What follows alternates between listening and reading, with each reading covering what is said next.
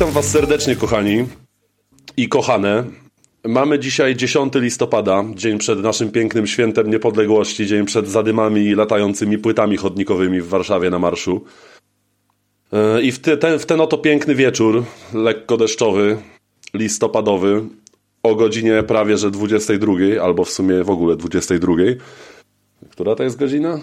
No, za 10, 22. Witamy Was serdecznie w 223 odcinku naszego pięknego podcastu Bezimienny. Słuchajcie, dzisiaj yy, zasiadamy tutaj w lekko zmienionym, choć znajomym gronie. Mianowicie ze studia w Rotherham jest ze mną Christian, Christian Kender. Cześć, Christian. Dobry wieczór. Tak, możesz usiąść, Krystian, bardzo nam miło. Dziękuję. Jaka pogoda u was w Anglii dzisiaj jest? A, a nie pada. Ale, ale o. tak, ale zimno, znaczy chłodno, nie, 12, 12, 10, 12 standard. Toż to szok. Toż to szok. I nasz gość dzisiejszy, szanowny Tomek Arrow Wasiewicz. Cześć Arrow, miło cię znowu słyszeć. Siemanko. Cześć, cześć, cześć. Dzięki wielkie za, za zaproszenie i fajnie móc do was tak szybko wrócić. Tak jest, my również się cieszymy, szczególnie, że mamy do pogadania, że tak powiem. E, słuchajcie, trochę, trochę pograliśmy w jeden głośny tytuł. E, byliśmy na premierze głośnego tytułu. Mm, poczekaj, poczekaj, Mamy jeden bo, bo, mniej głośny tytuł, o którym mniej mówiliśmy, więc będzie o czym dzisiaj rozmawiać. Krystian coś tam mi się Tak, bo, bo powiedziałeś, powiedziałeś, że trochę pograliśmy w ten jeden głośny tytuł. E, Tomku, ile pograłeś w ten jeden głośny tytuł? Łącznie jakieś 60-70 godzin. No to troszkę pograliśmy faktycznie, troszkę pograliśmy, okej. Okay. To co to jest jak na taki tytuł, kurwa. Tak. Pogadamy za tydzień. Z kampanią na 5 godzin, co to jest na taki tytuł, nie? Co to jest? No. W każdym razie e, Krystian tutaj lekkim spoilerem zarzucił, że kampania na 5 godzin, więc już wszyscy zorientowani wiedzą o jaki tytuł chodzi. God of War oczywiście. Oczywiście. Oczywiście powiemy sobie dzisiaj o Call of Duty Modern Warfare 2, czyli można powiedzieć jakby drugiej części rebootu w sumie tej serii. Mm, troszkę sobie powiemy, bo pograliśmy i ja, i Arrow. Jak, ja zdecydowanie krócej, Arrow du dużo więcej z tego co słyszę. Mm, ale chciałbym dzisiaj zacząć od Krystiana.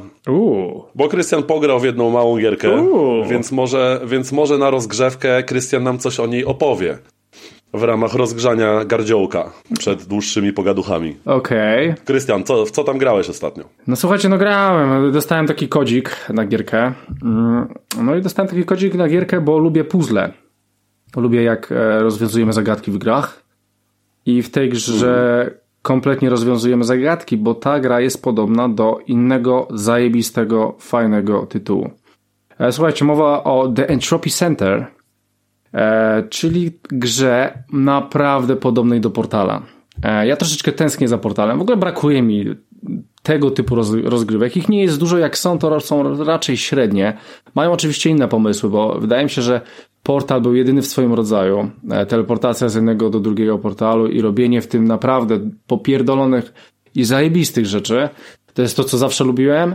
E, no i, no i takich tytułów brakuje. No i w, przy, wchodzi tutaj Entropy Central, czyli, czyli gra, w której po prostu rozwiązujemy zagadki na podobny motyw, ale wykorzystujemy inny motyw.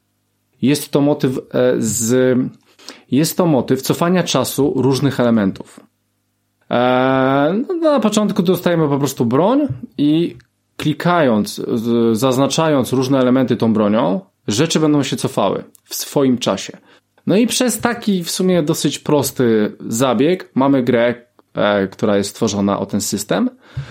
E, no i mamy od chuja fajnych zagadek, tak? Czyli na przykład, no mamy skrzynkę, mamy jakieś tam drzwi przy nas i dalej są kolejne drzwi i na dole mamy e, mamy dwie takie, nie wiem, guziki, e, na których trzeba położyć tą skrzynkę. No i stawiamy na drugiej na pierwszej, na drugiej, później przechodzimy przez jedne drzwi, drugie są zamknięte, cofamy tą skrzynkę do pierwszego, otwierają nam się te drugie drzwi, przechodzimy. Ogólnie cała zabawa polega czasem, czasem elementów otoczenia. E, znaczy tych elementów otoczenia w sumie tak dużo nie ma. No ale ogólnie słuchajcie, zamysł jest bardzo fajny. Stylistyka jest bardzo przypominająca portal. Jeżeli, jeżeli byście zagrali w to i wam powiedział, że to jest portal, uwierzylibyście mi, że to jest portal, bo e, świat jest bardzo, bardzo właśnie taki futurystyczny, taki, taki troszeczkę mm, robotyczny, bym powiedział, z takimi różnymi w, elementami. W portalu w ogóle, w portalu ten świat był taki z deka dystopijny, bym powiedział. No i, Tam... i tu jest to samo, tu jest to samo, mamy właśnie... Trochę tak to działało. No troszeczkę, chociaż tu były zamknięte pomieszczenia, więc tam tak na dobrą sprawę można się tylko domyślić, jak to... No ale no mniej więcej coś takiego. Tu jest, tu jest podobny zabieg, mamy duże... Mamy ogólnie wielką taką jakby akademię, w której rozwiązujemy zagadki. E, na początku po prostu do niej trafiamy, nie wiemy w ogóle na chuj my tam jesteśmy i mówi do nas broń. E, broń ma po prostu jakąś tam mało, śmieszną emotikonkę i będzie się z nami porozumiewała i co pokój będzie do nas e, mówiła i przedstawiała nam trochę tą fabułę, dlaczego my tam jesteśmy, co my mamy zrobić i tak dalej. No i oczywiście jeszcze będzie sobie robiła z Ta, nas Broń bekę. do nas gada? Mamy gadającą tak, broń? Tak, tak. Jak, jak sobie zobaczysz na przykład na screena, to, Właśnie patrzę. To zobacz, że ona trzyma broń i od razu widać emotikonkę taką e, Ale z to jest coś jak tranzystor, czy raczej gadający miecz z Baldur's Gate? E, to jest raczej mm, w, tra, w tranzystora nie grałem. Jeżeli chodzi w Baldura grałem, ale no być może bardziej pod Baldura bym to powiedział. Po prostu on do nas mówi co jakiś czas o jakichś głupotach i tyle. E, i robi sobie z nami jaja. Oczywiście wszystko to jest zrobione tak bardzo... Ej, ale ta, w ogóle jak tak patrzę, ta gra całkiem nieźle wygląda. Ta gra całkiem nieźle wygląda i ta całkiem, ta gra jest całkiem niezła. Eee, powiem wam, że e, powiem wam, że jeżeli chodzi o same, same te zagadki, to mamy 15 chapterów. I tak e, mniej więcej wychodzi gdzieś tak pół godziny na jeden, pod koniec już jest troszeczkę ciężej, bo te zagadki są bardziej skomplikowane, dochodzą nowe elementy, więc tam nawet dochodzi czasami po 40-45 minut, czasami dzieją się różne rzeczy, e, na przykład most trzeba, trzeba odtworzyć, jakieś takie rzeczy, porozkminiać. Ja chyba zaciąłem się na jednej zagadce tak dosyć grubo, Oczywiście okazało się, że jest prosta. W, w, ogóle, w ogóle to jest, to jest tak, wchodzicie do pomieszczenia, macie, macie mniej więcej pomieszczenie, wiecie, rozkminiacie, co trzeba zrobić, zawsze trzeba wyjść z tego pomieszczenia, więc rozkminiacie, co trzeba, nie wiem, cofnąć, jak skrzynki położyć, na jaką trampolinę wejść, bo tam są jeszcze trampoliny i jakieś takie rzeczy, więc y, rozkminiajcie sobie. No i na ogół jest tak, że wchodzicie już tak później, na późniejszych etapach i tak sobie rozkminacie, o kurwa, o chuj im chodzi o co, o, o co im chodzi w tych, w tych zagadkach. Ale jak tylko tak posiedzicie chwilę, aha, dobra, a, dobra, to, to trzeba przestawić tu, tu muszę cofnąć tą skrzynkę tak i sobie rozkminiacie. I to jest fajne, i to jest fajne i to działa, i to działa i czułem właśnie taki fan, jak miałem w portalu troszeczkę, Eee, właśnie w rozkminianiu tych, tych pomieszczeń, jak to wszystko eee, roz, jak to wszystko połączyć, żebym sobie otworzył te drzwi. Eee, czy mogę coś powiedzieć o tej grze? Eee, słuchajcie, powiem tak. Mm, miałem wrażenie, że w portalu było, był. Nie możesz nic powiedzieć o tej grze. No właśnie, już troszeczkę powiedziałem. Miałem wrażenie, że w portalu był troszeczkę wyższy poziom trudności, jeżeli e, chodzi o, o, o te zagadki. E, I tutaj mam czasami taki, taki problem, że jak widzę, co muszę zrobić i wiem, jak to zrobić, to mi się nie chce tego robić. Bo muszę tak, tu muszę tą skrzynkę przesunąć tu, później przesunąć ją jeszcze w inne miejsce, jeszcze w inne miejsce i później muszę ją cały czas cofać. I czasami dochodzą dodatkowe elementy, które muszę zrobić i wiem, jak mam to zrobić, ale mi się po prostu nie chce. I to, bo, bo to zajmuje troszeczkę czasu i łatwość właśnie niektórych tych zagadek powoduje, że więcej mamy takich manualnych rzeczy do zrobienia niż samą, sama rozkmina nam wpada i to, jak pomysł w, w jaki sposób coś rozwiązać. Więc troszeczkę to mnie, to, to mnie e, tak troszeczkę nie podobało mi się to. I nie było też takich mindfucków, e, pamiętam jak w portalu, kiedy na przykład e, portalem trzeba było przechodzić przez portal i na przykład sufit, e, sufit ziemia, jakieś takie fajne rzeczy i tam trzeba było w pewnym momencie coś skoczyć albo zniszczyć portal i zrobić gdzieś indziej, to było super. Tutaj takich rzeczy nie ma, nie ma takich rzeczy, wow, ale zajebiste w portalu mówiłem parę razy w ten sposób, a, a tutaj nie. jedna zagadka mi się super podobała. To faktycznie jeden pokój był świetnie zrobiony, ale tak to nie robią one jakiegoś wielkiego szału, nie wiem, nie jest to jakoś me mega zajebiste czy coś. Słuchajcie, e, tytuł jest bardzo fajny. E, ja ogólnie mogę go polecić naprawdę fanom portala. E, fanom portala, jeżeli portal, nie wiem, dla mnie taki dwójka portala to była, to była dziewiątka. E, tej, tej grze dałbym coś koło ósemki, ze względu na to, że, e, ze względu na to, że naprawdę jestem dużym fanem portalu, tak? Ale, ale dla takich normalnych wyjadaczy jak wy, to tak myślę, że koło siódemki by, byśmy zmieścili ten tytuł. E, no i tak, tak jak mówię, nie ma dużo gier na rynku, a ja po prostu potrzebuję takich gier. Lubię takie gry i potrzebuję takich gier, szczególnie w tej, w tej konwencji, w tej stylistyce bardzo zbliżonej do portala. Krystian, jak ty, jak ty lubisz zagadki, to pamiętasz, ja mówiłem o takiej grze Supraland. Nie wiem, czy, czy pamiętasz. Wyszła z Game Passa albo zaraz wychodzi, więc nawet jej nie odpalam. Ale pamiętam, Ale miałem ją ściągniętą, nawet, miałem ją ściągniętą, wiesz? Nawet ją kup, stary, bo warto, bo to jest świetna gra, jak ty lubisz zagadki. Mhm. To jest co prawda zupełnie inna stylistyka niż, niż Portal, ale jeśli chodzi o zagadki, no no. to jest kurwa absolutne mistrzostwo świata, stary. Ja w tej grze jestem zakochany, nie? Mhm. I ty jak lubisz gry z zagadkami i mówisz, że ci takich brakuje, to ty w ogóle znaczy, wiesz, ale... wszystko i, i kupuj Supralanda, bo jego można za grosze Tak, kupić. tylko że bardziej mi chodzi o takie, wiesz, takie e, fajne zagadki. E, takie, ale właśnie które po prostu chce się robić. Genialnie. No okay, Ale właśnie okay, o to okay, chodzi, stary. Tam nie dość, że jest dużo manualnych rzeczy, to jest idealne połączenie mhm. wykorzystania narzędzi, które dostałeś, rozkminiania, co powinieneś zrobić, bo gra ci tak naprawdę niewiele mówi. Mhm. I jeszcze do tego to niektóre wymagają trochę zręczności, więc to jest idealny balans. Tobie się generalnie ta gra mega spodoba, jak ty lubisz zagadki. Mm -hmm. Serio ci polecam. Mm -hmm. Mówię naprawdę poważnie, żebyś, żebyś w to zagrał. Można to kupić za grosze, więc w chuj warto. Tak. Eee, no dobra. Eee, ja, ja ogólnie, tak jak mówię, ściągnąłem, e, ściągnąłem tą grę i miałem w nią pograć. Nie, nie pykło, ale, ale okej, okay, okej. Okay. E, wezmę ją sobie, że tak powiem, e, pod uwagę. Na tapet. E, pamiętajcie, nie wiem, czy graliście w portala, czy nie, ale w portalu, właśnie to też jest takie podobieństwo. W portalu mówił do, na, do nas cały czas ten ten, ten robot, ten głos Gladios, Gladios, Gla, GLaDOS, to, znaczy no. GLaDOS to, był, to była ta sztuczna inteligencja, tak. ten, ten robocik się inaczej nazywał chyba. Ale z, Czy nie? z, z tego co się orientuję, to, to, to, była, to nie była ta kobieta, która do, do nas mówiła? Znaczy ja nie wiem, bo ja nie grałem w portala, tak mówię z tego, co, nie, no, co się no, orientuję. Port, y, w GLaDOS to był ten y, sztuczny, tak jak ten, tak jak było powiedziane, sztuczna inteligencja e, w postaci robota. No i... A, czyli, czyli on po prostu jakby był personifikacją tej sztucznej inteligencji, tak? Tak, tak, tak, tak, tak. tak. Okay, Tylko, okay. że ona, ona się z nami porozumiewała co jakiś czas. Mhm. I właśnie chcę powiedzieć, że ta broń pełni podobną funkcję właśnie, jak e, w portalu właśnie ten GLaDOS. E, więc po, po, prostu chcę, chcę wam powiedzieć, że to jest podobieństwo i, i myślę, że ktoś się zajarał portalem, ok, zróbmy podobną grę, ale wymyślmy może jakąś inną mechanikę, wymyślili cofanie czasu elementów. Na przykład fajnie jest to zrobione, macie zgniłe jabłko, strzelacie do niego i robi się ładne, piękne.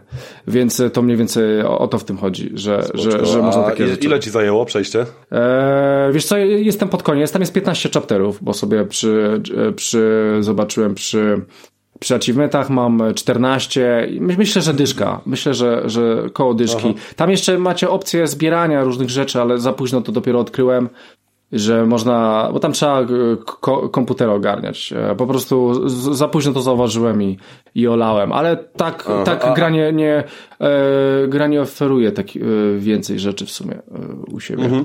A, po, a powiedz mi, e, ty, przy, bo nie, chyba, mnie, chyba mi umknęło albo nie powiedziałeś, no na czym ty w to grałeś? No, na najlepszej konsoli, jaka jest aktualnie na rynku, której nie posiadasz. czyli, czyli na PlayStation 2? Nie, nie na PlayStation. Myślę, że jarałeś się tak tą grafiką. Myślisz, że na PlayStation 2 by to ruszyło? Nie no, śmieję się. Czyli to jest Game Pass, tak? Nie, nie, nie, nie.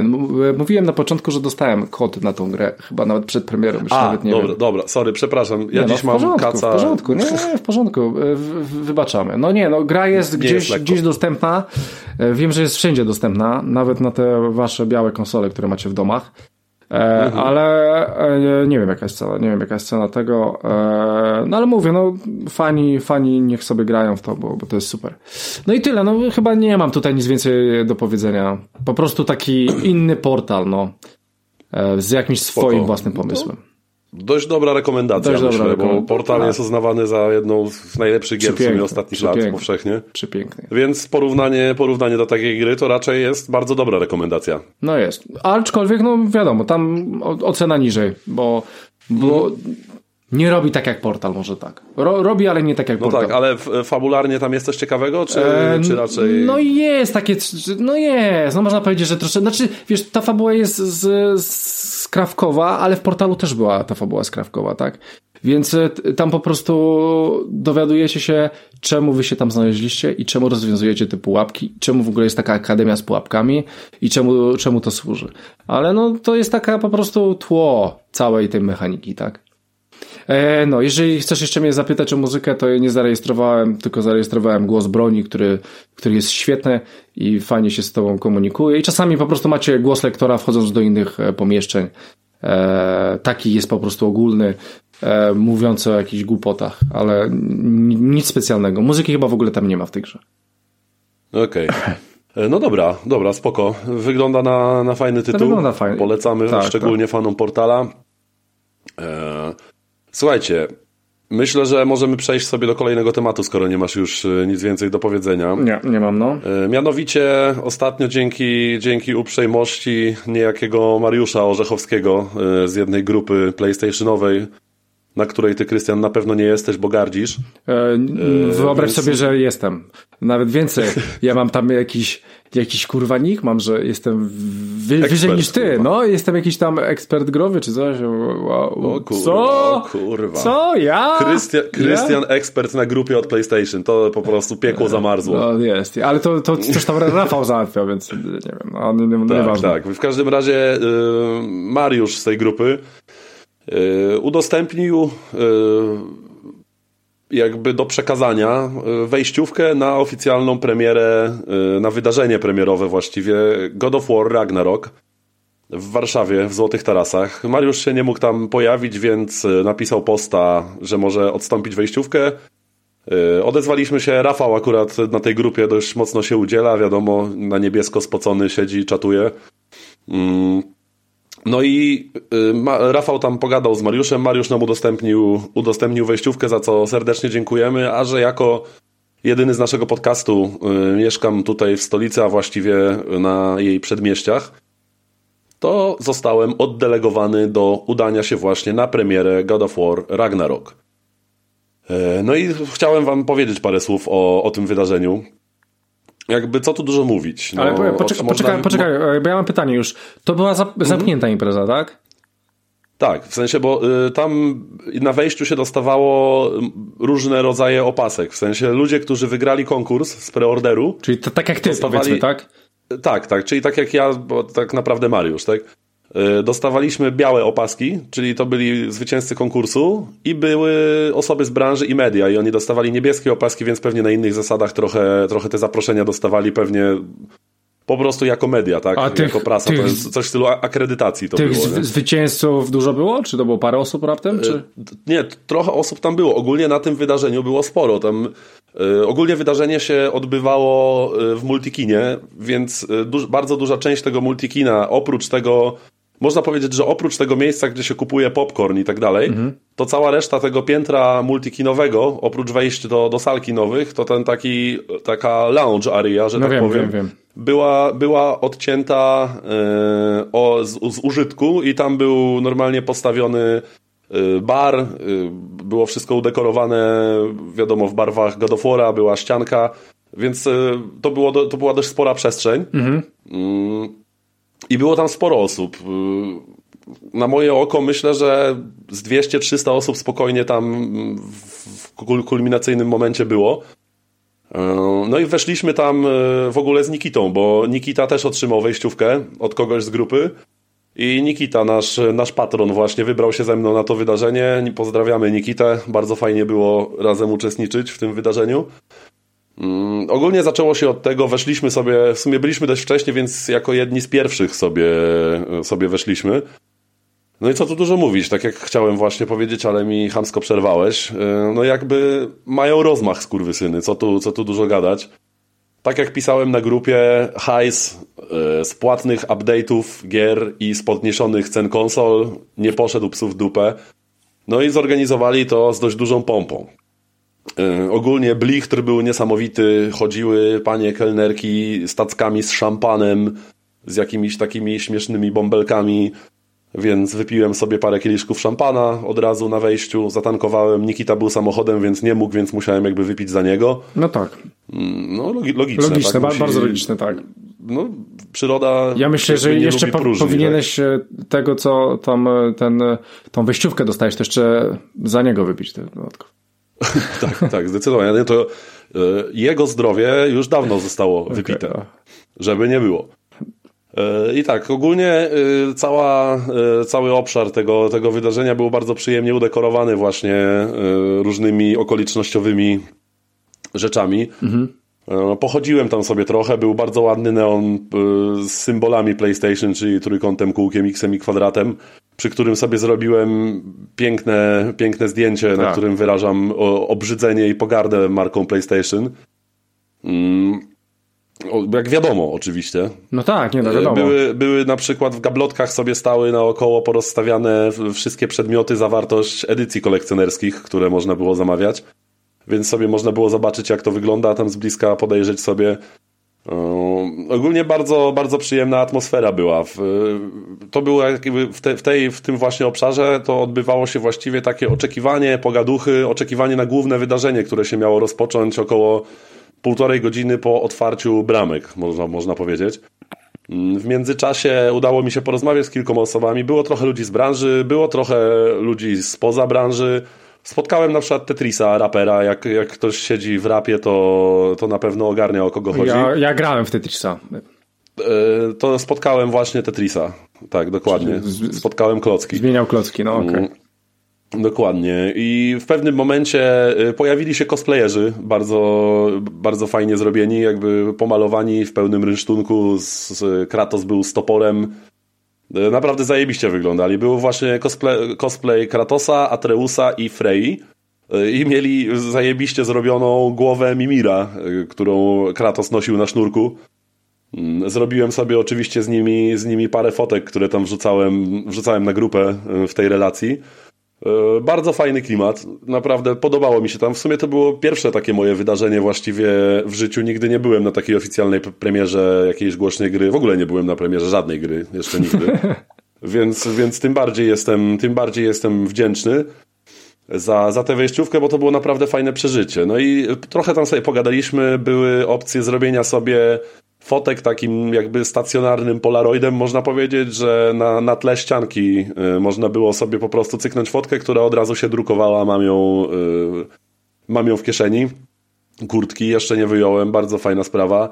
Y, były jakieś konkursy, że można było się oznaczyć na, trzeba było zrobić jakąś fotkę na tym wydarzeniu kreatywną, oznaczyć PlayStation Polska i hashtag tam God of War Ragnarok premiera i można było wygrać ten limitowany kontroler z, z Ragnaroka. Nie wiem, czy kojarzycie tego DualSense'a tak, tak. właśnie tak. okolicznościowego. No, PlayStation Także, 5, tak. O, tak, pewnie kojarzycie PlayStation. Tak, ja, tam. No i ogólnie w, w, tym czasie właśnie można sobie było pogadać z ludźmi. Udało nam się z Nikitą złapać e, aktorów głosowych, którzy, e, którzy podkładali, podkładali głosy tych, których nikt nie usłyszy w fiz fizycznej kopii. Rewelacja, to tak, jest kurwa rewelacja. Wtedy, wtedy, jeszcze, wtedy jeszcze nie wiedzieliśmy o tym.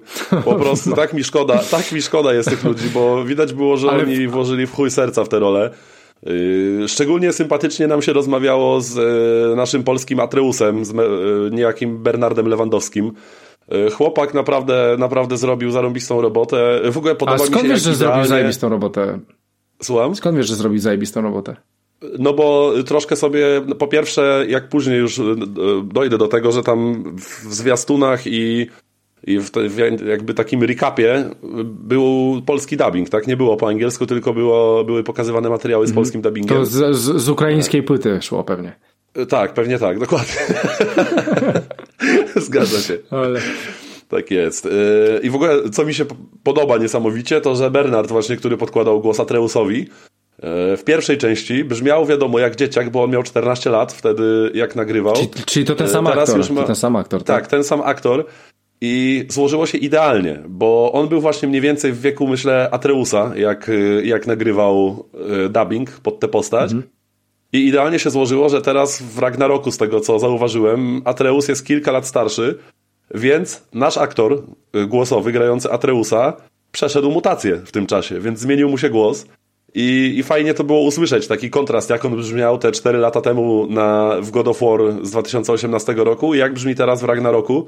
I fajnie było z tą osobą pogadać. Y, porozmawialiśmy sobie trochę o urokach i mrokach pracy w dubbingu. Mm, Bernard mówi, że to, że to była zajebista przygoda yy, i mega ważne tak naprawdę wydarzenie w jego życiu. Zrobiliśmy sobie z nim fotkę, przesympatyczny gość, także pozdrawiamy Bernarda, może kiedyś nas yy, usłyszy. Yy, w każdym razie po tych, po tych pogaduchach, robieniu sobie fotek z cosplayerami, konkursach, atrakcjach, chlaniu szampana i tak dalej, przyszedł czas na mięsko, czyli zostaliśmy zaproszeni do sali w Multikinie. To była ta sala premierowa, czyli ta największa sala w warszawskim Multikinie. Jest ogromna, tam jest naprawdę od groma miejsc, ta sala jest gigantyczna. 650 yy, miejsc chyba. Coś takiego. No w każdym razie sala jest na tyle duża, że przed ekranem kinowym zmieściła się cała orkiestra symfoniczna, do czego zaraz dojdę.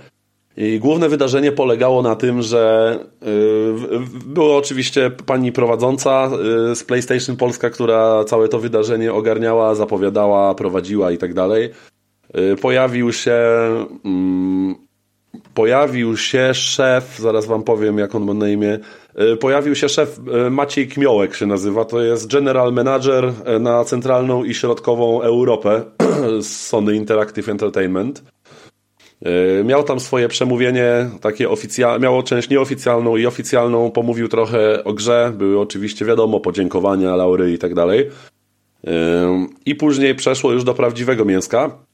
I pierwszym daniem mięsnym było, był jakby recap e, wydarzeń z pierwszej części, mm, w celu jakby zrobienia przypominajki fanom, którzy chcieliby od razu się zabrać za drugą część God of War, e, bo z tego co jakby rozumiem, to znajomość pierwszej części, żeby się cieszyć Ragnarokiem jest wręcz niemalże niezbędna, e, żeby się właśnie cieszyć tą drugą częścią. Dokładnie tak, bez tego się kompletnie właściwie nie opłaca sięgać po dwójkę. Tak jak wiele, e, wiele kolejnych części można sobie spokojnie ograć, tak tutaj to, to, to jest właściwie jedna historia.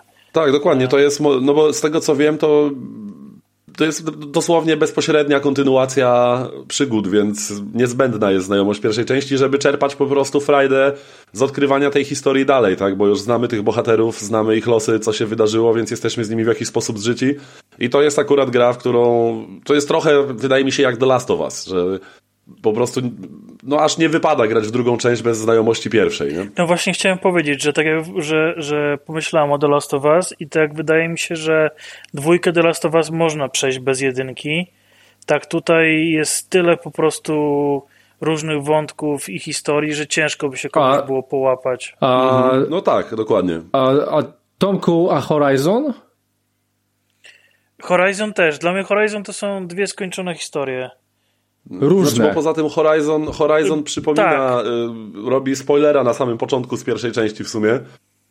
Y, z tego co Ale wiem, nawet oczywiście, nie chodzi o to, tylko, tylko, jakby y, to, co jest ważne w Horizonach czy w The Last of Us, to jest tak naprawdę jeden wątek, ten główny.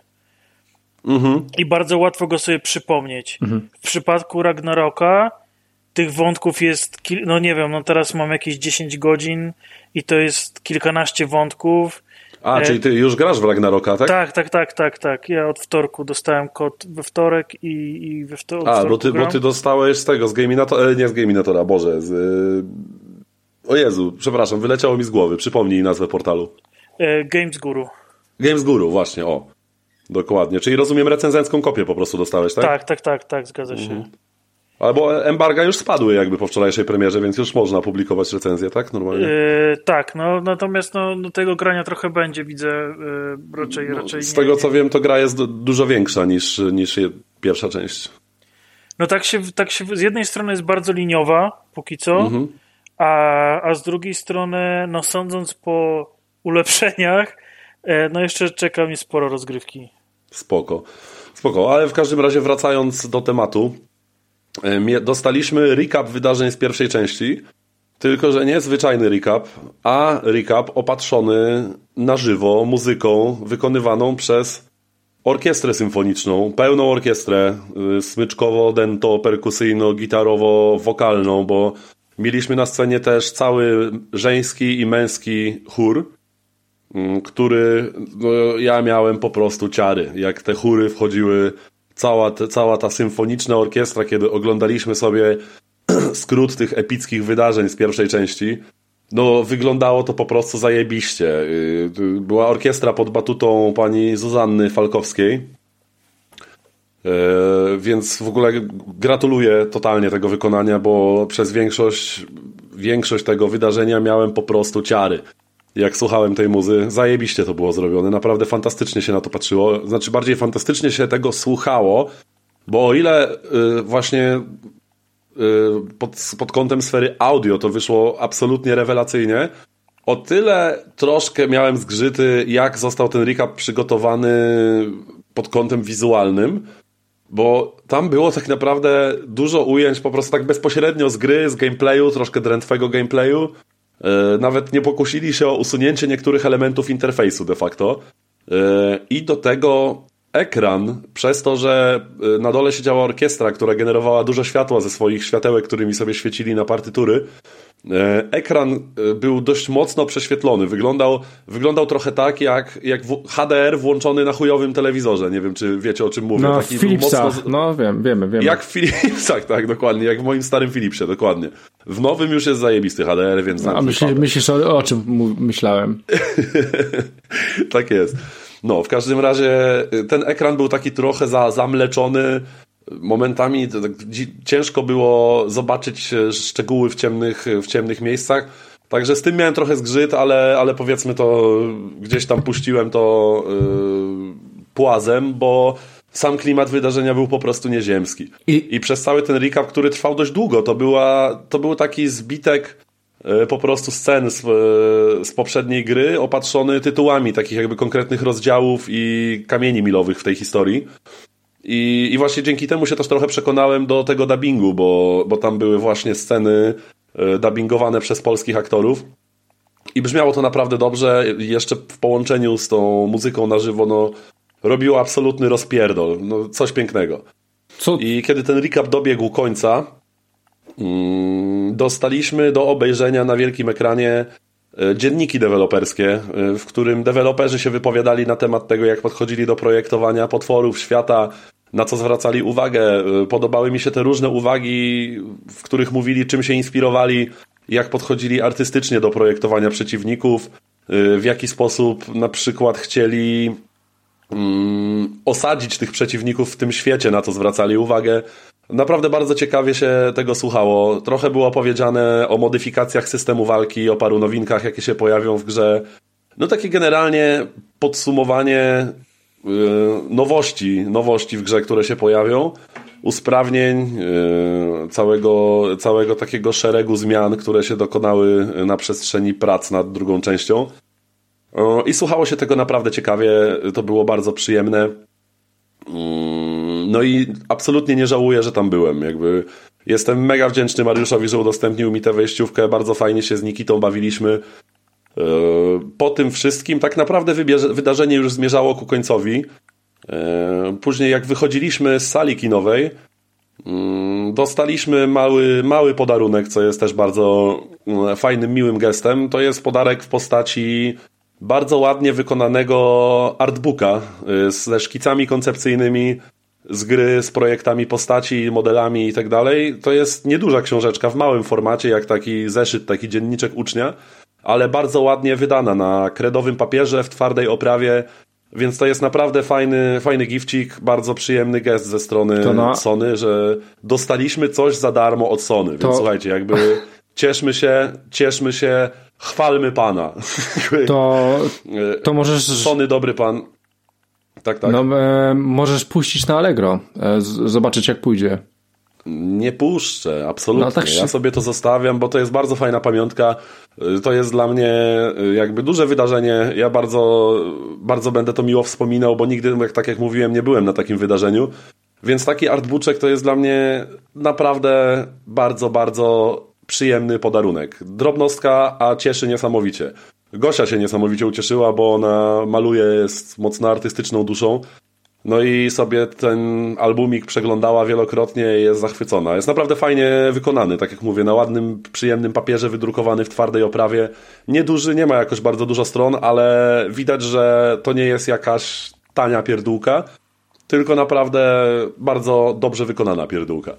Także to na wielki plus. Mówię, no jedyny zgrzyt to ten, y, ten taki trochę prześwietlony ekran. A, jeszcze, kurwa, na koniec, już praktycznie jako ostatni materiał puszczony z gry, był puszczony jakiś taki dziwny trailer, w którym sceny z gry przeplatały się ze scenami z życia jakiegoś gościa, który miał jakieś dziwne, w sensie jakieś tam przygody ze swoim ojcem i, i ja po prostu prawie umarłem od cringe, jak oglądałem ten, ten, ten trailer, można powiedzieć, tę reklamę właściwie, nie wiem jak to nazwać, gdzie tam na koniec yy, był slogan, który po prostu zmroził mi krew w żyłach i jaja mi opadły do kostek, ja to, jak to usłyszałem.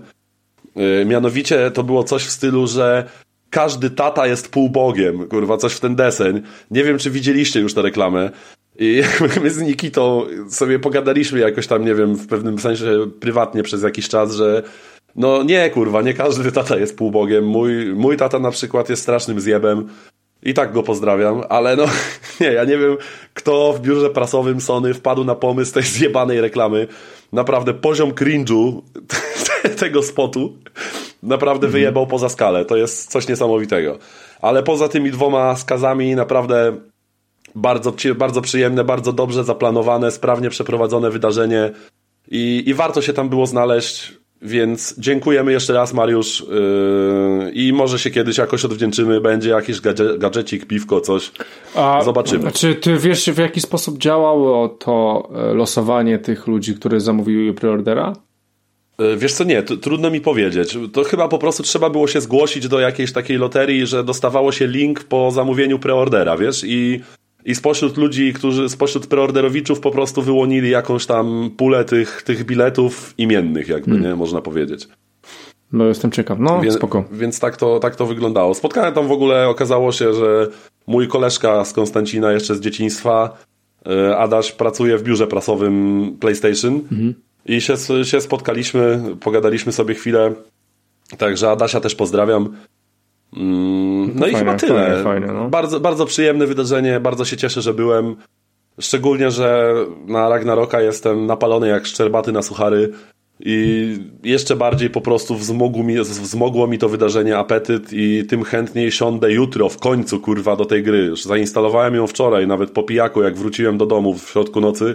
Wrzuci, już wróciłem z płytą, wrzuciłem ją do napędu i, i będę grał. Kurwa, będę, będę grał w grę będę grał cię w aucie.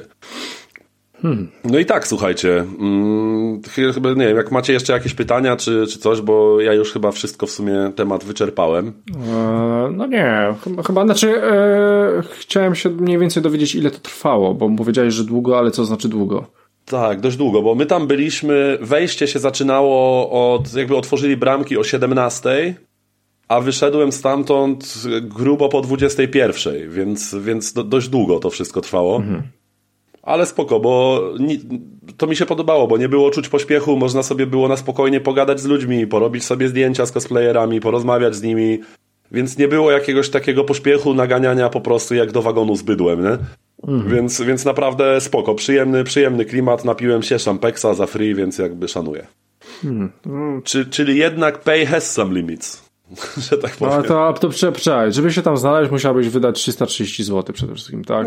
I liczyć na szczęścia, że ale... no i wybrali z tych tysiąca czy dwóch tysięcy osób 20 i dobra, niech mają coś z życia, bo, że, że wyjdźmy z twarzą w tej Ale premierie. Ja, a później, ja, a później ja podszedłem tak... do tego cebulacko, cebulacko, okay, ja dobra, no tam i... za darmo. Okej, okay, więc... no a później robi, kupujesz tego preordera, jarasz się zajarany, na premierę dostajesz grę i jest po angielsku. No kurwa, no.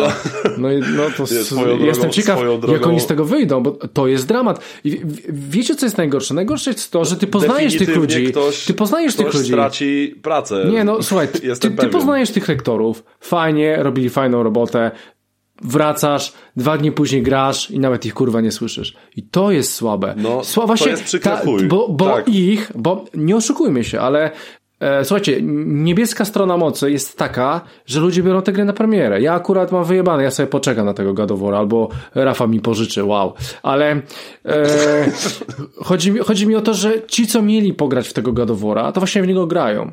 I nie wierzę, że ktoś jeszcze raz będzie przechodził za ten tydzień, dwa, trzy, jak wrzucą w końcu jakąś łatkę. Znaczy, wiesz, ściągnięcia, nie, nie wierzysz, żeby- stary, co myślisz, że myślisz, że takiej gry nie będą ludzie platynować? Stary, no come on. No ale przecież Na pewno będą. platynowałem jedynkę i ja nie musiałem tam nic powtarzać. Tam się fabuły nie powtarzało, tam się robiło, e, Walkirię się robiło, z tego co pamiętam, i ewentualnie No tak. coś tam się maksowało. Tak, jakieś, tak, ale przecież fabuły nie powtarzasz. A to przecież na tej fabule oni, oni kurwa zrobili ten dubbing. Więc zaraz będzie, że aktorów profesjonalnych, fajnych aktorów usłyszy 200 osób, może 300. Tak, no znaczy, no właśnie, w ogóle, no Arthur Znaczy, Dziurman, po- który czekajcie, jest czekajcie, bo pierwsze głosem. trzeba powiedzieć, No. że wszystkie osoby, które kupiły grę Cyfrowo, no tak, w porządku. Dubbing, ale, tak? ale jednak pudełka, no nie, no nie oszukujmy się. Ludzie, Ale ja, ja nie No. do końca rozumiem, No. jakby dla mnie to jest w ogóle dość Ale absurdalna poczekaj, poczekaj, sytuacja, poczekaj, bo- poczekaj Mikołaj jeszcze. To, to, no, no. Tomku, e, aha, bo ty dostałeś kod, tak? Okej, dobra, w porządku. Tak, tak, tak. No ale, ale, ale byś Ale kupił też- pudełko, tak? Chyba. Czy cyfrę byś kupił? E, znaczy ogólnie planowałem kupić kolekcjonerkę, w której też był kod cyfrowy. No dobra, no to, no to, to już... E, nie, nie, nie było, nie Okej. było płyty. Bo oni wiedzieli, że w Polsce nie będzie e, polskiego dubbingu w Ogólnie- płycie i dlatego dali kod do tej kolekcjonerki. Ogólnie to jest tak, że e, obserwuję tam trochę tych grup i No. ludzie twierdzą, że odbierają pudełka i u nich ten dubbing jest. Mhm. Więc to też nie jest tak, że we wszystkich sklepach To trafiły Może to jakaś te partia płyty była bez, tych... Nie bez wiem. dubbingu. Wiesz, ale... To jest pierwsza sprawa. No. Druga sprawa jest taka, że przy okazji tej afery wyszło, że część osób, które mają kolekcjonerki, nie dostało kodu, albo nie dostało steelbooka, albo nie dostało i steelbooka i kodu, albo dostało dwa kody na DLC zamiast gry. Ej, ja dostałem dwa, dwa kody. Dostałem kod do pudełka do, dla Rafała i jeszcze Empik mi wysłał kolejny kod na to samo. Ja mówię, Rafa, masz kod. On mówi, aha, ale to jest to samo. A, czyli dwa kody dostałem, to co on w pudełku, nie? Bez No, ale ty dostajesz dwa DLC, a ludzie nie dostają dwa gry, DLC. tylko dostają dwa DLC, nie? A, no to... Więc mają albo, dwa DLC albo dwie gry, gry dostają. Może ktoś dwie gry dostał. Więc, więc Ale tam jest- musiał... Tam się musiał wydarzyć problem. jakiś gruby bałagan generalnie. Za, zatrudnili jakieś tam osoby z... A dobra, no zresztą nieważne, no okej, nieważne. Przemilczę to, przemilczę to, aczkolwiek wiesz, wydajesz 330 zł, więc na grę No. tak Ale się wszyscy jarają. Sony... Z kolekcjonerką nie dostali No to- to- kodu na grę. to już to w ogóle- Weź, wydaj 1400 zł i nie dostań kodu na grę. Ale, ale weź to teraz reklamuj, nie? Otworzyłeś wszystko, rozjebałeś to wszystko, nie masz kodu, jak masz to? Dzwonisz do Sony, ej, bo Słuchajcie, Chyba, że, chyba, ale poczekaj, ale jak to udowodnić? Paragon, ewentualnie, nie wiem, czy one są jakoś, mają, mają jakieś numery z tyłu. Chuja mają, nie mają nic pewnie. O kurwa, S- Sony będzie miało tutaj grubą przeprawę z tą no, ale, premierą. ale żeby no. tak, ale, żeby, ale tylko w Polsce, nie? Bo nie wydaje mi się, żeby w innych Nie, krajach. właśnie nie, nie, te kolekcjonerki za granicą z kolei. Aha, U nas aha. tego nie słyszałem, ale właśnie, że za granicą e, jest Aha, problem. czyli ogólnie PlayStation. Bo widziałem same, same zagraniczne posty na temat tych kolekcjonerek. ale nie, ja wiem o co chodzi, bo Sony chce, żeby ludzie dwa razy kupili tą grę. No, tak mi się wydaje. Kurwa teoria spiskowa na pełną gębą. Nie, no szkoda, szkoda, wiesz, no kurde, no płacisz tyle pieniędzy i no PlayStation jednak ma super dubbingi, Za, załóżmy, że dobrze to robi.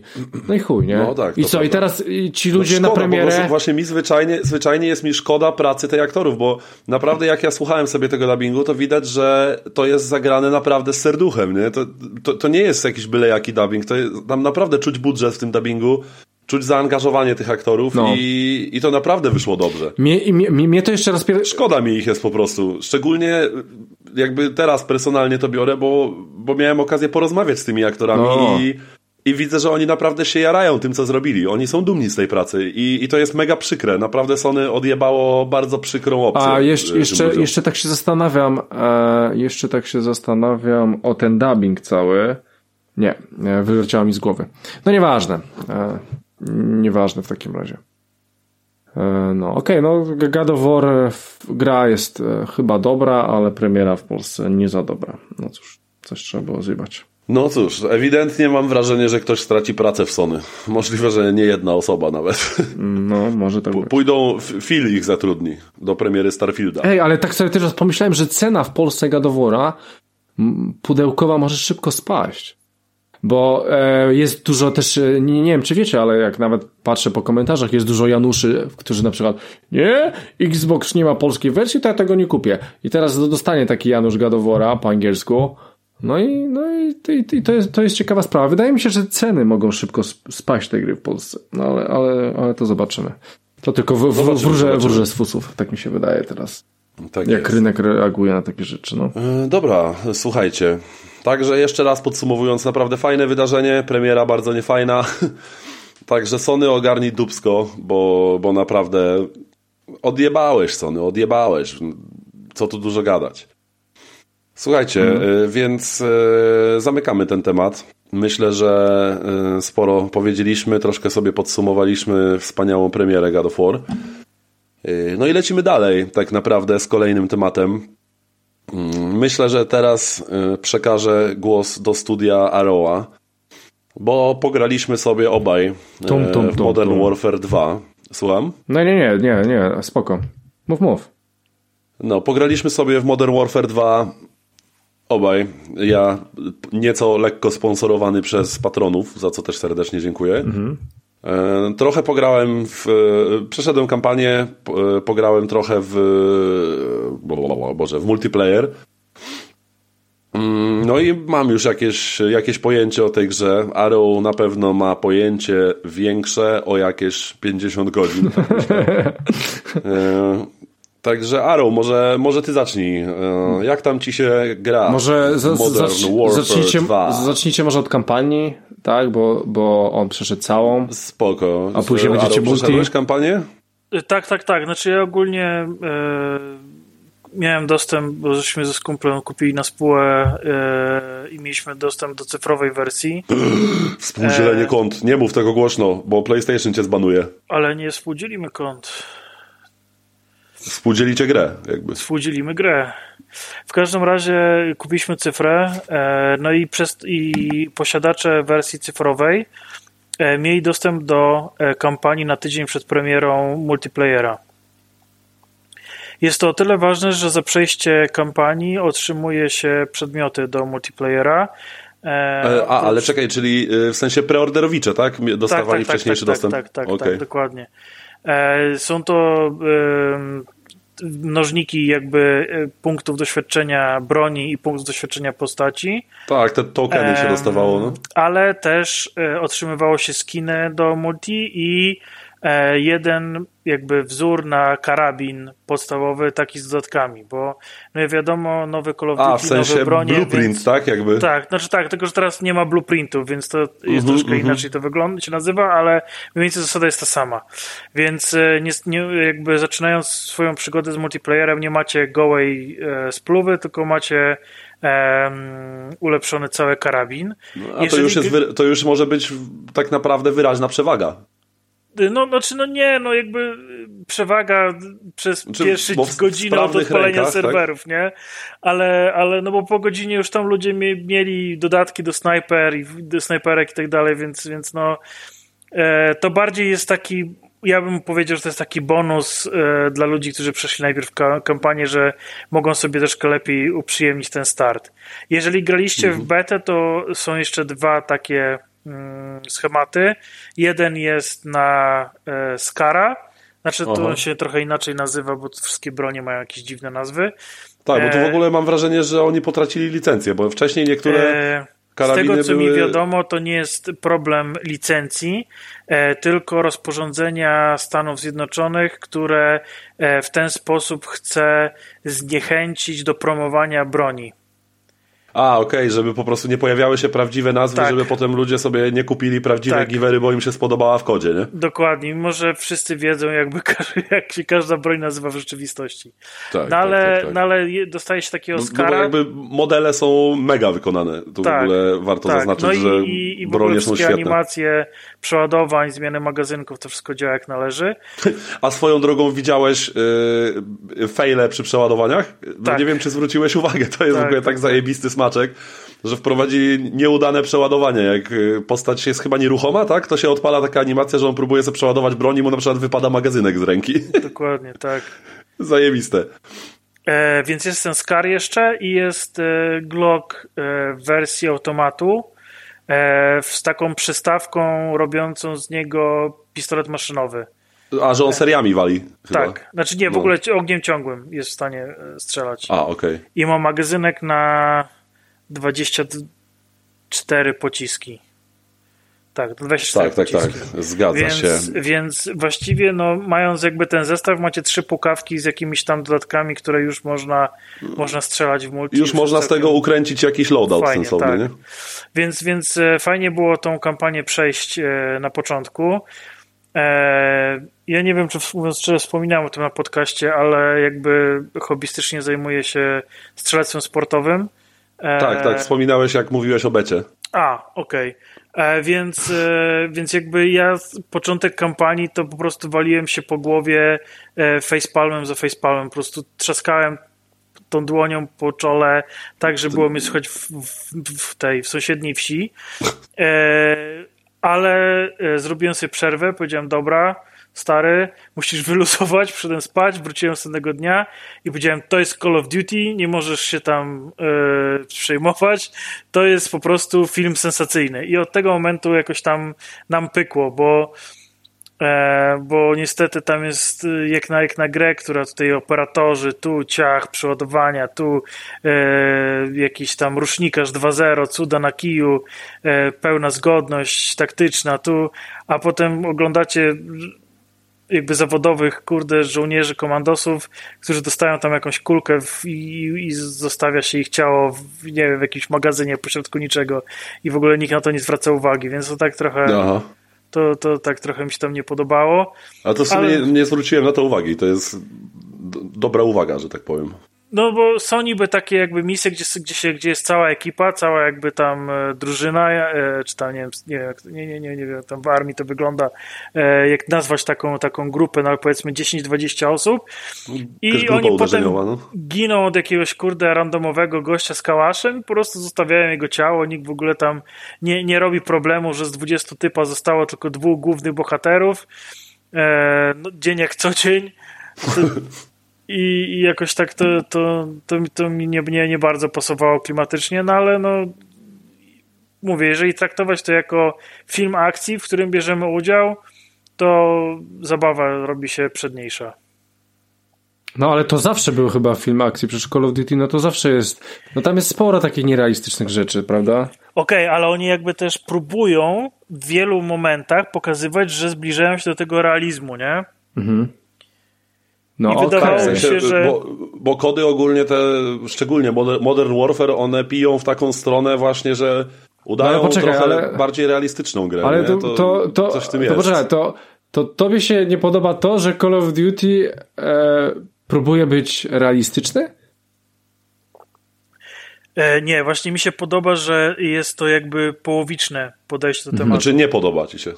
Nie E, podoba, no właśnie. Nie podoba mi się, tak. Nie podoba mi się, to, że, że, że jakby starają się coś jakby Ale to- z jednej strony się promować pod jakimś hasłem, a z drugiej strony są niekonsekwentni w tym.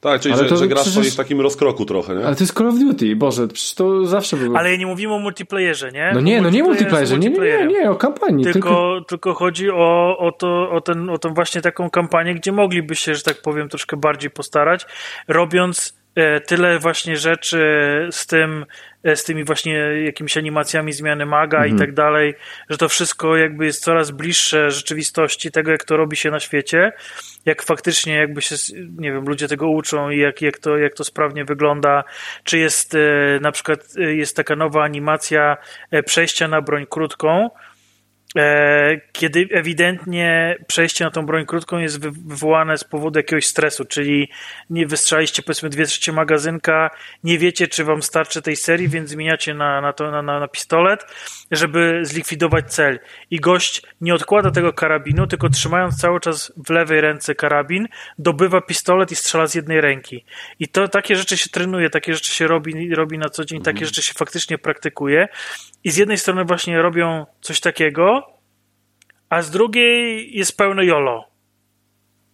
I troszkę jakby ten, e, jakby ta różnica między tymi dwoma podejściami jest dla mnie w tej części znacząco za duża. Mm -hmm, To jest tro trochę to, co Kłas często używa tego sformułowania, że to jest ten dysonans ludonarracyjny, że trochę zgrzyty są takie, że warstwa jakby growa z warstwą narracyjną się trochę, trochę gryzie.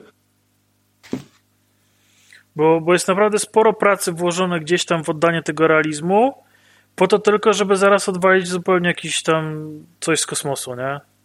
Tak, tak. A w ogóle swoją drogą nie miałeś wrażenia w tej kampanii, że trochę, trochę się ta kampania potknęła na wyznaczaniu celów. Ja, ja, się w tej kampanii łapałem często na tym, że biegłem gdzieś i nagle się orientowałem, że mój skład jest w ogóle gdzieś 50 metrów dalej, a ja tego w ogóle nie zauważyłem, nie? Bo, bo coś tam, nie wiem, węszyłem, chodziłem sobie i nagle się okazało, że oni gdzieś tam sobie poszli, natomiast brzmieli mi w tym, wiadomo, w radiu brzmieli dokładnie tak samo. I jakoś miałem momentami problem z takim odnalezieniem się trochę w tej kampanii. Nie wiem, czy, czy ty też to Nie, to, to, to jedyne co, to yy, dwa takie momenty miałem yy, zgrzytu. To pierwsze to jest yy, ta ucieczka w, ze wzgórza. Mhm, no, no. Kiedy, mam nadzieję, że to nie za duży spoiler, kiedy właśnie właściwie nie było się, jakby były tylko pojedyncze miejsca, gdzie się można było schować, bo we wszystkich innych siekali cię na mielonkę.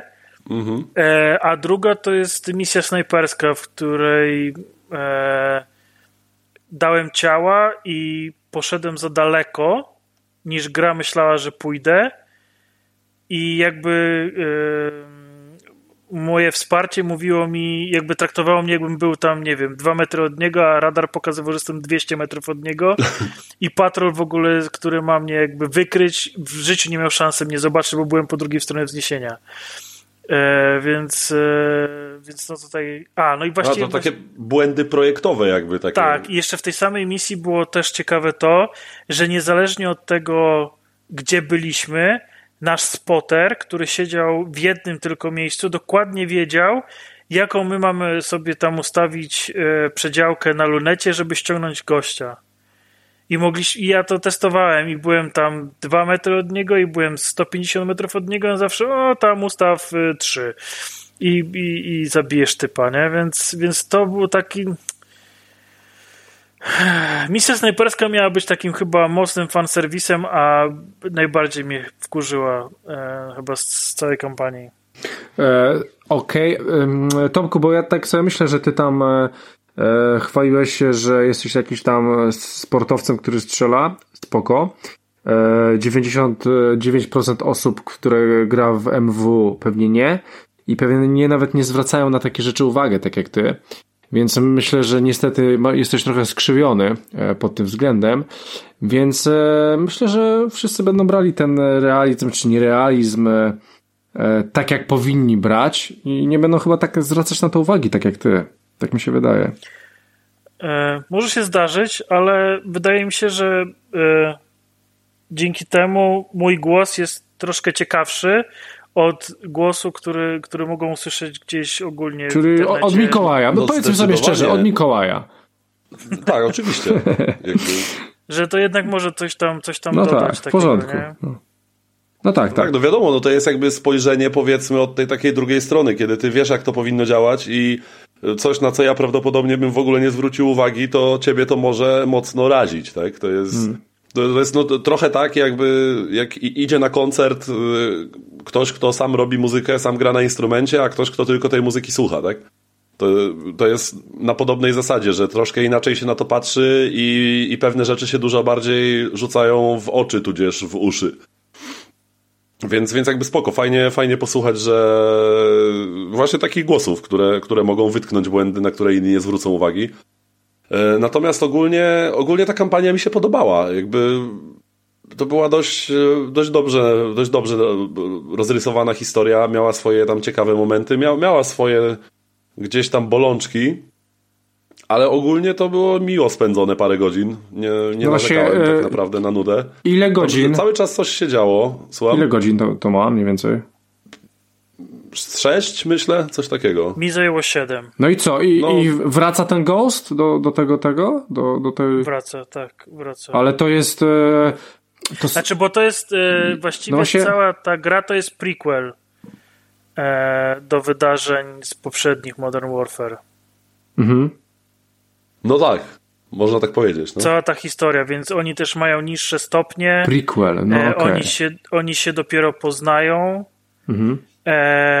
To, co, na co zwróciłem uwagę, to że nowe postacie, które się pojawiły tutaj z meksykańskiej jednostki specjalnej 141, że super się wpasowały w, em, w tych ludzi, których już znamy z innych odsłon Call of Duty. E, Ja bo- aż, tak, ja aż tak nie znam właśnie tych, tych odsłon, więc też chętnie, chętnie posłucham. Dawaj, dawaj. Znaczy, no bo nie, no bo jakby właściwie nowi byli tylko, było tylko tych dwóch Meksykanów. E, Mhm, tak. Alejandro i Rudy. E, Tak cała reszta pojawiła się w różnych odsłonach. Nie wszyscy pojawili się w Modern Warfare, bo na przykład Gaz, e, jedna, jedna z postaci, którą będziemy, kier- którą kierowa, kierujemy w tej No kampanii. ale właśnie, Gaz to, był, Gaz to był chyba ten policjant z pierwszej części. Ten, on, co w nie, on Londynie się miał tę pojawił w misję. Call of Duty 4. A nie, a, nie, a nie w tym reboocie Modern Warfare? Nie, znaczy on mo- możliwe, że był tam, bo już tak No bo tak mi, się pamiętam. wydaje, że to, mi się wydaje, że nim się kierowało w tej misji w, w Modern Warfare yy, w Londynie, tak? Co, co się chodziło między samochodami, próbowało się znaleźć tych bombiarzy. nie? A tak, tak, ale Na- jakby, na jakby chodzi, chodziło mi o te poprzednie, jakby poprzednią Znaczy Oxford. Circus to było y, konkretnie. To, znaczy, I tak, musi, musiałbym to sprawdzić, ale możesz mieć rację. No, no, no, no. Yy, W każdym razie, no, ale co, co powiesz ogólnie o tej kampanii? Ty wciągnęła cię ta historia choć trochę? E, tak, aczkolwiek e, ta część taka bliżej tych e, kartelowych porachunków podobała mi się bardziej Mhm. e, niż e, ta taka wojskowa dookoła świata. Tak, Bo no, mam w sensie wrażenie, że, że, ta, że, że, że ta część meksykańska była najbardziej spójna, e, natomiast Mhm. to skakanie po świecie to był taki absolutny fan, fan, fan serwis. Platforma no tak, wiertnicza, misja prostu- snajperska, że to jakby e, przypomnijcie sobie fani te wszystkie misje, które robiliście z nami we poprzednich Tak, odsłonach. tak, tak. To już nawet nie jest mrugnięcie okiem, tylko klepnięcie w dupę fanów. O, i to kijem. E, Tomku, na, na jakim poziomie przechodziłeś tą kampanię? Bo ja, ja, ja, E, na normalu. Na Aha, normalu. no bo ja, ja, E, ja zawsze odpalam... Ja grałem na, na weteranie. Właśnie, jak, jak z poziomem trudności, bo ja też zawsze odpalam na weteranie, do platyny. Ja, jak ten weteran? W sensie są jakieś takie... Weteran, szczerze, według mnie, bo e, ten o, ostatni, najwyższy poziom trudności, znaczy nie mówię o tym, który jest przy pierwszym przejściu zablokowany, No, no, no. e, czyli ten realistyczny, tylko o tym jakby najwyższym odblokowanym, tak? To według mnie jest przegięty. Mm, Bo tam dosłownie, no padamy od dwóch kulek i, i ci wrogowie nie mają litości, dla nas jest ograniczony interfejs i tak dalej. Natomiast e, weteran wydaje mi się takim idealnym sposobem przechodzenia kampanii w Call of Duty. Bo nie jest lekko. Naprawdę, miałem w tej, miałem w tej kampanii momenty, kiedy naprawdę ginąłem. Że jedną sekwencję potrafiłem powtarzać naprawdę kilka razy albo kilkanaście, aż w końcu mi się udało. I wydaje mi się, że ten weteran jest e, dość dobrze wyważony. Nie jest może jakiś super realistyczny, ale ma dobrze wyważony ten poziom. Jest kilka miejsc, w których można się lekko zaciąć, ale nie do poziomu frustracji. Ale tak? bo- Więc wydaje mi się, że, No. że no, najlepiej jest ogrywać kampanię w kodach generalnie na weteranie. E, Pamiętam e, w poprzednich kodach, nie we wszystkich, ale takich poprzednich, poprzednich zawsze mnie to wkurwiało, jeżeli nie wiem, tam e, jesteście za jakimś obiektem i chowacie się za, za tym obiektem i zbyt długo się za nim chowacie, to dostajecie granaty e, pod siebie i, to, i to było zawsze, co chwilę dostawało się granaty. Ja pierdolę, żeby się po prostu ruszyć, nie? E, I zawsze mnie to wkurwiało w Call of Duty. Ale później, A później nie- zauważyłem, że jest... teraz na to No bo uwagi. e, zauważyłem, że później z, zmienili to w ogóle zauważyłem, że te kampanie w Call of Duty, one są zajebiste, tam się zawsze dużo dzieje, ale poziom trudności e, zmniejszył się w stosunku do na przykład Mhm. jak ja grałem w Call of Duty 4 czy Call of Duty 3, tam to w ogóle, w ogóle była masakra na weteranie, więc e, ale, ale tak, e, weteran e, chyba to jest taki optymalny poziom do przejścia. Natomiast chciałem przejść do, do pewnego zgrzytu, który nie spodobał mi się w tej grze. Znaczy, mam co do tego mieszane uczucia, No. ale raczej w stronę bardziej negatywnych. Szczerze, to nie jest gra na PlayStation 5. Ja wiem, że ona na, na PC potrafi wyglądać zjawiskowo, bo wy, wygląda naprawdę dobrze. Miałem okazję zobaczyć u, u mojego koleżki z pracy. On sobie kupił niedawno dość mocnego peceta i miałem okazję tam, nie wiem, z pół godziny się pobawić właśnie na, na jego kompie.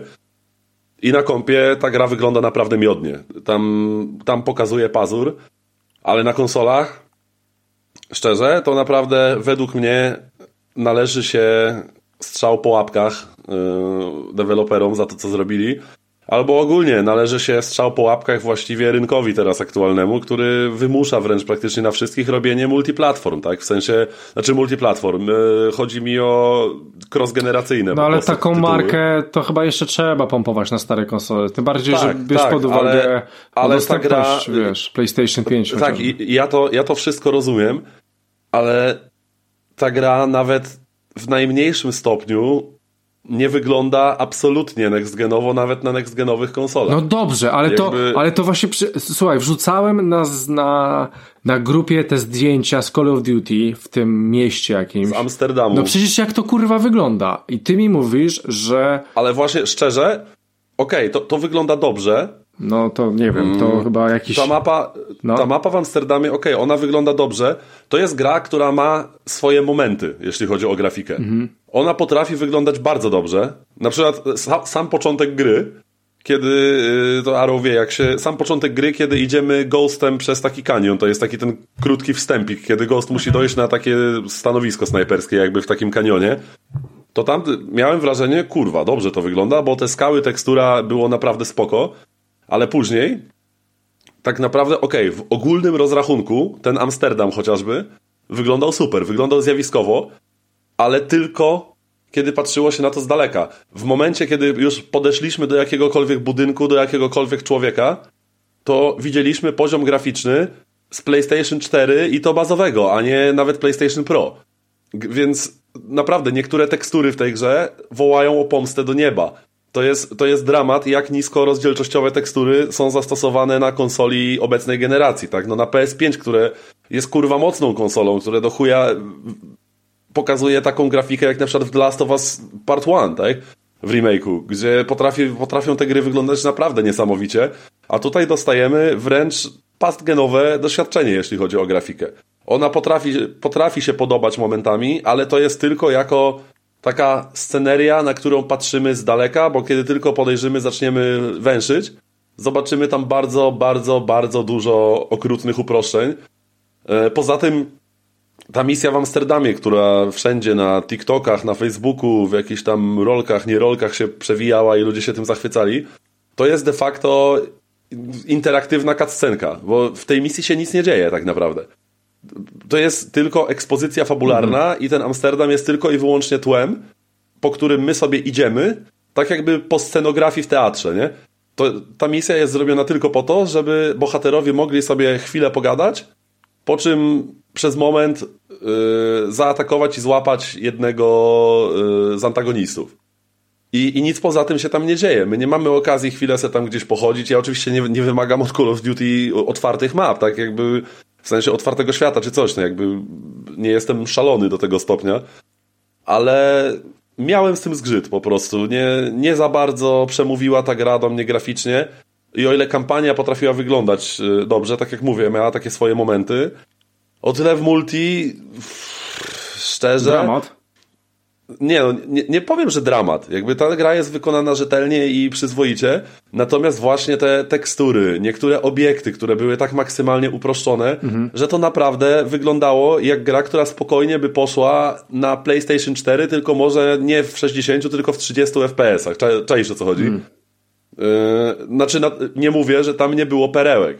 Bo na przykład jak już tak możemy sobie płynnie zacząć przechodzić do multi, chociaż chyba, że jeszcze Aro, ty, ty masz jak, podobne wrażenia do mnie, czy, E, czy nie, albo ty grałeś tak, na playce, nie, czy na nie, PC? play- Nie, nie, na playce, na playce. E, Zgadzam się. No tutaj... Bo w betę grałeś na PC, nie? Czy... Nie, nie, nie, wszystko A grałem nie, na dobra, sorry, ty, ty grałeś w, w jakąś betę na mocnym PC na tych targach wtedy, prawda? Tak, tak, tak, tak. To się A, okej, no właśnie, no to przyznasz, że na PC wygląda zjawiskowo, nie? Nie, no to jest zupełnie, zupełnie. To jest inna gra, po prostu. Gra, tak. Dokładnie. no i właśnie, no i co powiesz o tej oprawie na. Ale, na ale, ale poczekajcie, poczekajcie, bo, bo, tak jak mówicie, to aż mi się wierzyć nie chce. Mamy kurwa dopiero początek tej generacji, to już dwa lata. W ogóle Xbox ma dzisiaj drugi rok. E, gratuluję. A PlayStation za parę dni chyba. E, chyba tak.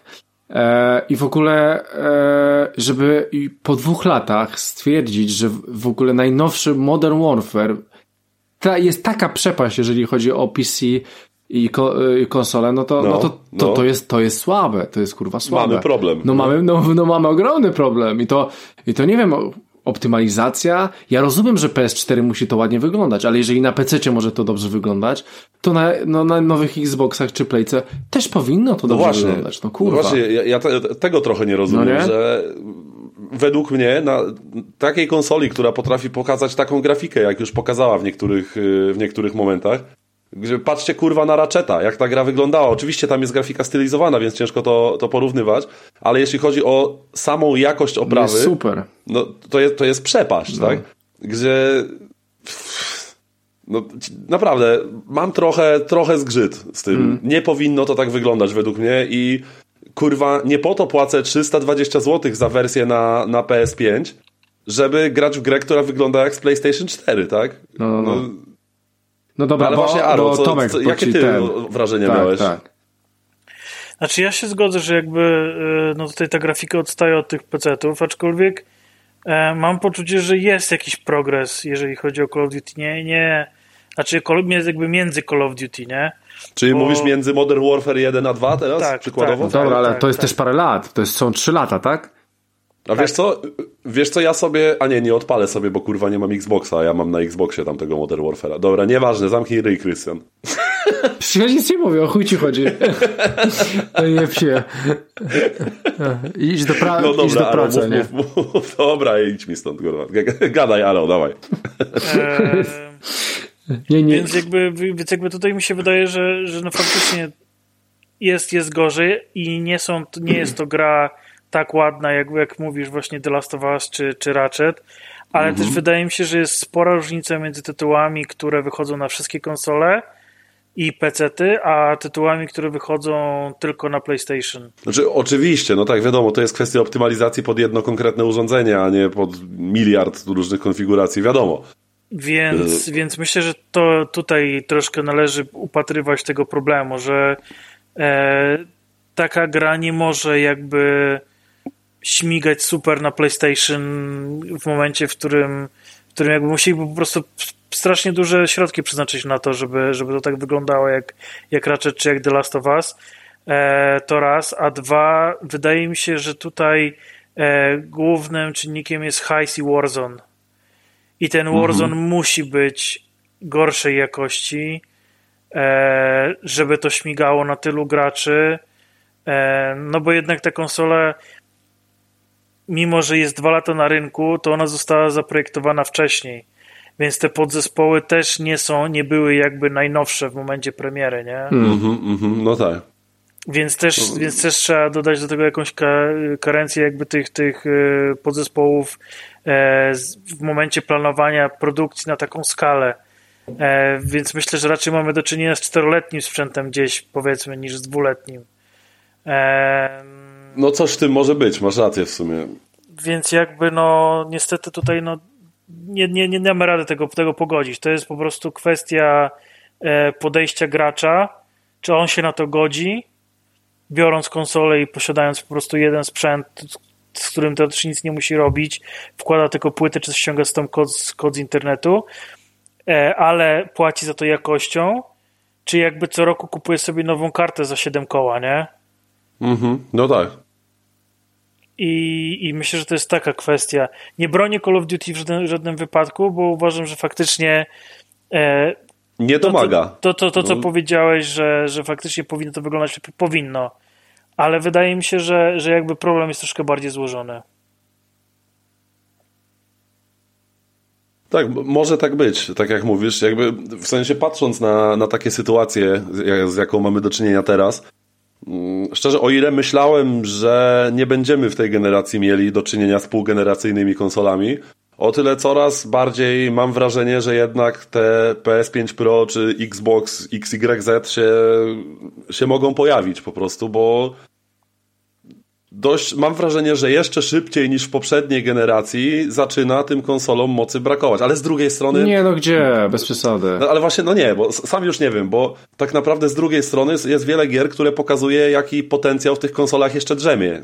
Tylko mam wrażenie, że on nadal, dopóki będziemy mieli kulę u nogi w postaci poprzedniej generacji, dopóty ten potencjał nie zostanie Spokojnie. wykorzystany. Jakby... Niech wyjdą gry w ogóle, niech zaczną w końcu wychodzić gry na Unrealu 5 E, liczę na Hellblade'a i zobaczymy, jak, ta, jak te nowe silniki będą orały, tak? E, no, a to, co właśnie Tomek powiedział, tam jest jeszcze ten ich e, engine Warzone 2 ma śmigać na wszystkim, łącznie z telefonami, więc musi to niestety wyglądać jak gówno. I w tym się zgodzę. słuchajcie, zanim przejdziecie do multi, jeszcze chcę się spytać o tryb, który ja w ogóle uwielbiałem zawsze w Modern Warfare, czyli Spec Ops. Nie wiem, e, czy wy to w ogóle odpalaliście. Mhm. Jest, jest tryb kooperacji. E, ja pamiętam, że w starych, w starych tych e, Modern Warfare'ach to było tak zajebisty tryb, to był tak zajebisty tryb. Tam było chyba 10 albo 15 misji, robiło się je na trzy gwiazdki i po prostu, tak, po tak. prostu, nie wiem, w misji trzeba było zabić 20 czy 25 osób, albo przejść, albo rozbroić bombę, albo cokolwiek zrobić i po prostu na no, headsetie. po prostu scenariusze. O Boże, ja, ja po prostu nieprzespane noce w tym trybie z kumplem, do trzeciej, czwartej e, w nocy czy nad ranem. No po prostu rewelacja. Ja tego nie odpaliłem w sumie, bo dość szybko się rzuciłem na multi. E, Tomku, w tobie e... nadzieja? Oczywiście, przyszedłem wszystkie misje. Do, a, no to dziękujemy. Op opowiadaj, zaraz, opowiadaj. Zaraz dodadzą następną e, wraz z premierą Warzona. Opowiadaj. Ma dojść, ma dojść A, czyli będzie, będzie jakaś nowa, nowy scenariusz, tak? Tak, tak, tak. Ogólnie z, z, idea jest taka, że te mapy, y, misje koopowe mają dochodzić z każdym dużym patchem do, do mm -hmm, gry mm -hmm.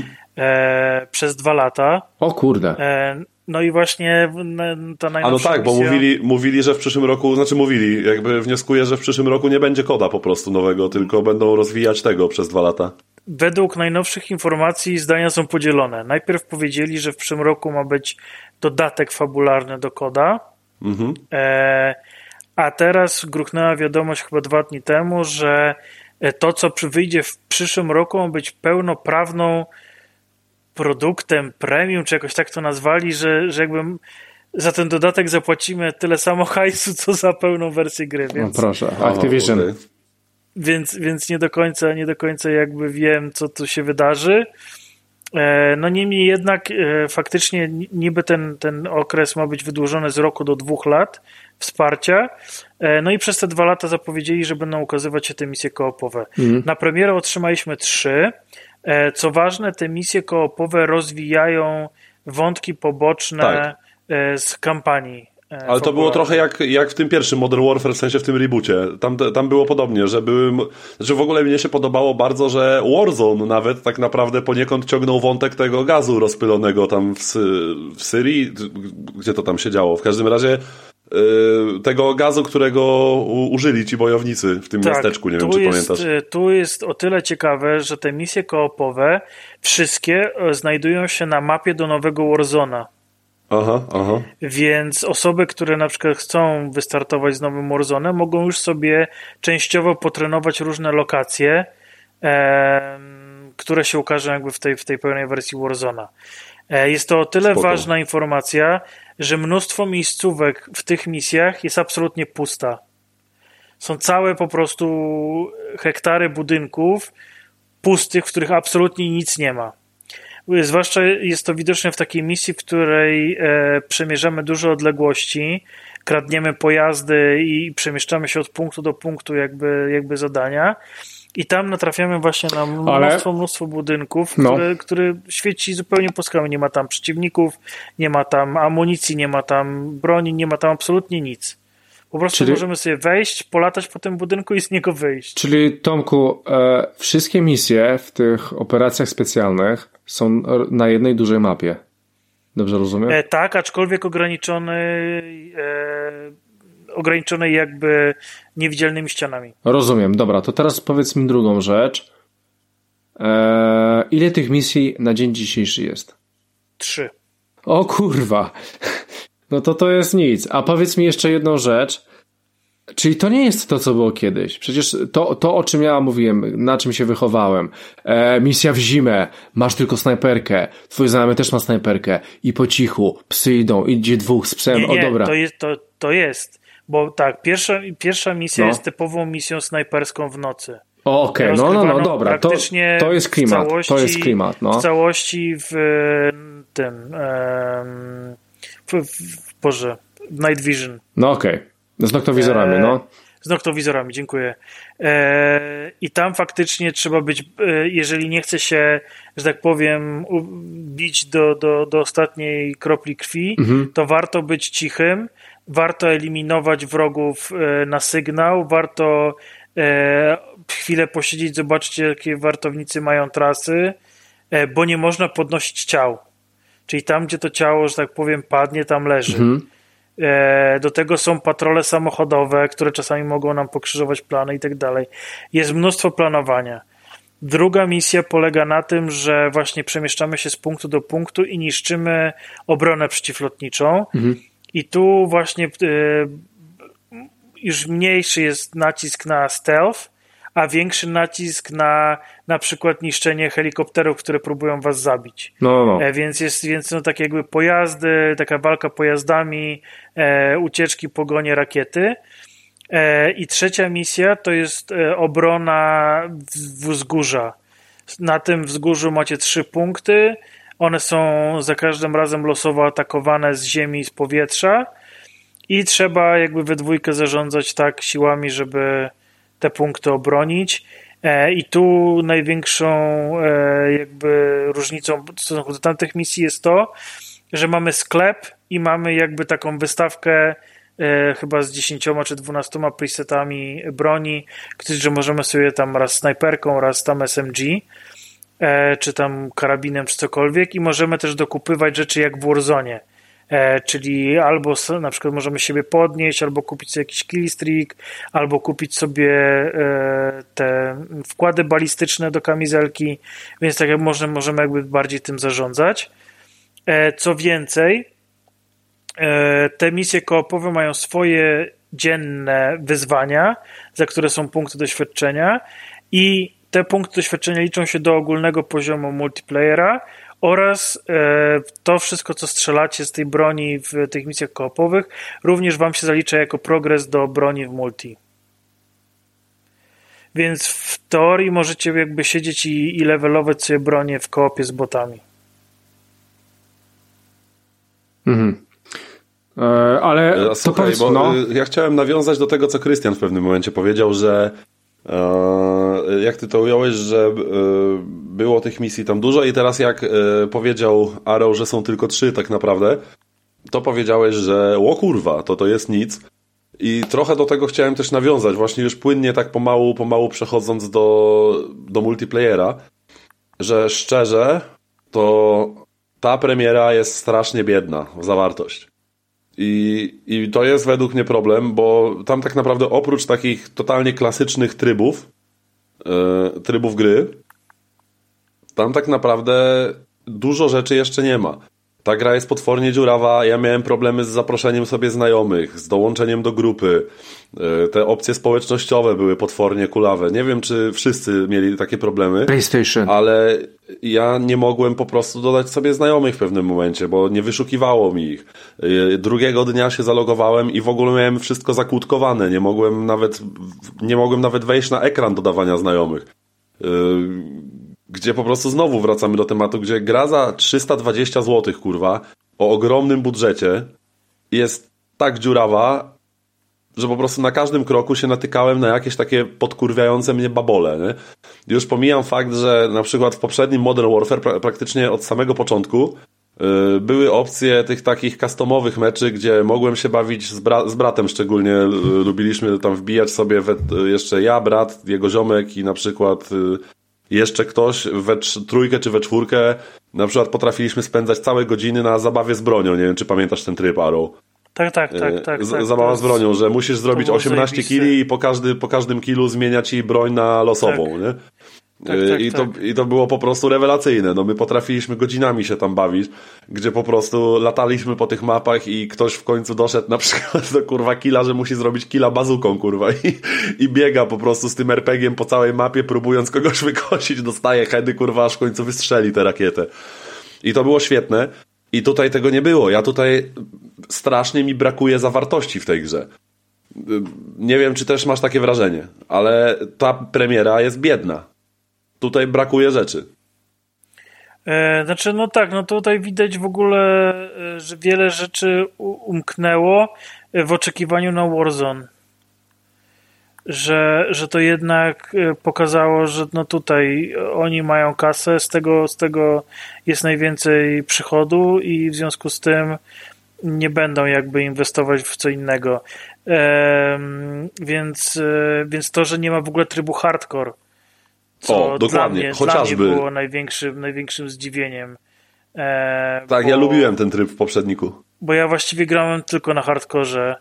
E, softcore wydaje mi się trochę bez sensu, bo ładujecie e, z tej broni niesamowitą ilość kul w typa, a on dalej biega.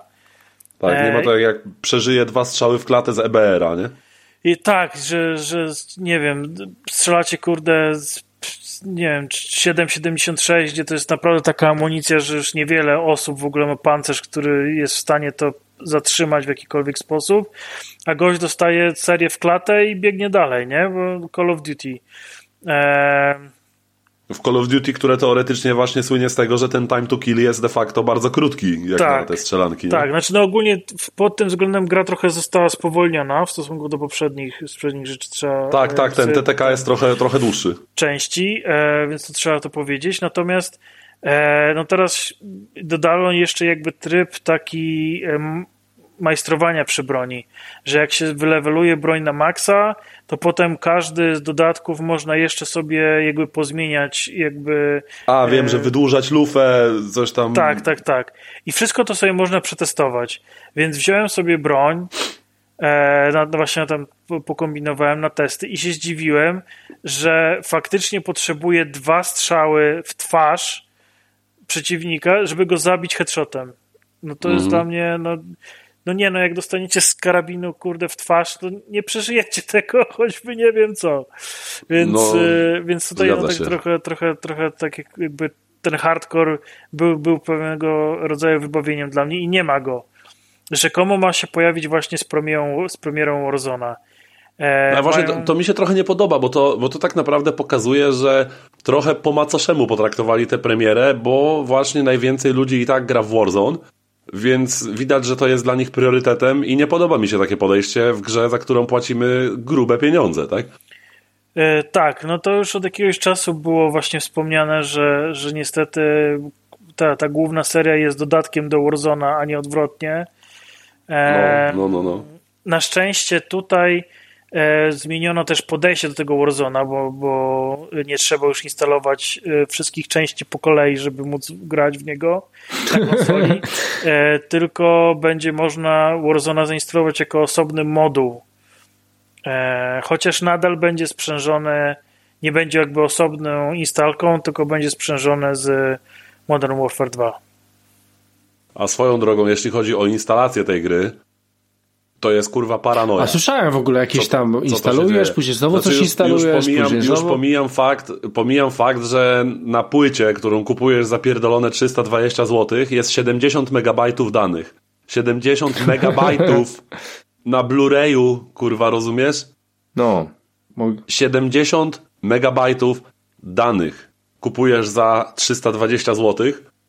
Yy, I oczywiście wkładasz płytę, tak naprawdę jedyne co masz na tej płycie to jest launcher, w jakich my żyjemy pojebanych czasach. To, Czyli to jest w- w ogóle jakiś W absurd. kampanii offline sobie nie pograsz, nie? Znaczy pograsz, tylko, tylko musisz ją zainstalować. Jakby. No nie, Właśnie, offline sobie, wiesz, no- Jak wyglądało, jak wyglądało moje y, pierwsze spotkanie z tym nowym Call of Duty? W poprzednim zresztą też i jakby to już jest od paru lat niestety, kurwa, jakiś chory standard.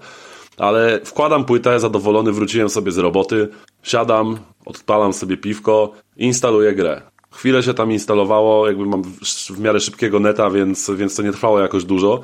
Pobrało tam, nie wiem, z 70 giga, i wchodzę do menu i nie mogę zagrać w nic. Mimo, że pobrałem przed chwilą kurwa 70 gigabajtów danych. Więc co ja kurwa pobrałem? To menu tej gry waży 70 giga, czy, czy co? Ja nie rozumiem. Nie, dane, dane jakby sprawdzające twoją konsolę, Tak. to jest... E, czekaj, e, o, de, de novo, czy jak... De novo, no, jak już. Ten, w każdym razie pobrałem dane. Nie mogę w nic zagrać. Chcę odpalić multi. Gra mi krzyczy. Pobierz pakiet multi 1. Ja mówię, no ja pierdolę. Pobieram pakiet multi 1, który mi się tam gdzieś w tle pobiera. Stwierdziłem, to może jak nie zagram teraz w multi, multi mi się pobiera, to sobie pierdolne zacznę odpalać kampanię, tak? Oczywiście pobierz pakiet kampanii 1. No kurwa mać. Odpalam dalej. W sensie ogarniam to dalej. Zainstalował się pakiet Multi 1. Mówię, dobra, to jak się instaluje kampania, zagram sobie w Multi. Nie, za, pobierz kurwa pakiet Multi 2 tym razem, żeby móc zagrać w Multi. Ja, ja już dostaję wylewu przed tą konsolą. Pobieram te kolejne zasrane pakiety i znowu chcę wrócić sobie do kampanii. Okazało się, że muszę pobrać kurwa pakiet kampanii 2. Stary, to jest w ogóle jakaś paranoja, jak się instaluje tę grę. Czy, No czy ale tak oni ciężko. wcześniej z tym, nie? Tak, ale to, to jest w ogóle paranoja. Dlaczego to tak wygląda do kurwy nędzy? Dlaczego każda inna gra się instaluje jako jedna pierdolona gra? A tutaj, żeby odpalić zasraną kampanię albo multi, Znaczy, już, już po zainstalowaniu gry, ty, ty instalujesz tak naprawdę sobie menu. Ty instalujesz kurwa 70-gigowy launcher, z którego masz przyjemność pobrać sobie 10 różnych pakietów, żeby zagrać w cokolwiek, kurwa. No, mi zajęło dwie godziny odpalenie tej zasranej Znaczy- gry, rozumiesz? No to jest chore. Ja, ja z tego co pamiętam, jak ja grałem w Modern Warfare'a tego, tego poprzedniego, to tam było też e, jakiś tam, ściągało to się wszystko oddzielnie. No to było tylko i wyłącznie po to, żeby po prostu można było usunąć pewne elementy, z których się nie korzysta, czyli na przykład no tak, bo kampanię, wiadomo, tak? no jak gra waży prawie 200 giga, No z Warzone'em, mają z 800 giga Warzone'em pamięci. może tak nie? być, nie? Więc... No, wyobrażam sobie, że to chyba została stworzona opcja dla posiadaczy Xboxa Series S. Gdzie masz kurwa tam 320 GB dysku, więc zainstalujesz sobie takiego koda i już nie ma innych gier. Nie ma No kurwa. nie, ale tam nie będziesz miał innego. 4K, więc co ty, więc, więc będzie okej. No nie, to, to, to jebać w takim razie. Nie no, w każdym razie instalacja nowego koda to jest po prostu droga przez mękę. To jest dramat, jak to, jak to wygląda, te zasrane pakiety. Dlaczego przy odpaleniu gry, przy włożeniu płyty, nie można sobie zaznaczyć, odptaszkować na liście, co chcesz pobrać, wracasz za pół godziny, masz pobrane. No tak powinno Tylko być, tak, tak. ja tak. nie dostaję żadnej informacji, chcę sobie odpalić kampanię i dopiero dostaję informację po czekaniu na pobranie 70 giga, więc okej, dla mnie to nie jest problem. Jak mam 750 megabitów prędkość internetu, to to nie jest problem dla mnie pobrać te 70 giga. Ale wyobraź sobie kogoś, kto mieszka na przykład w jakimś pipidówku na jakiejś wsi i, i ma ograniczoną prędkość tego internetu i jeszcze na przykład limit, tak? Limit pobranego, pobranych gigabajtów.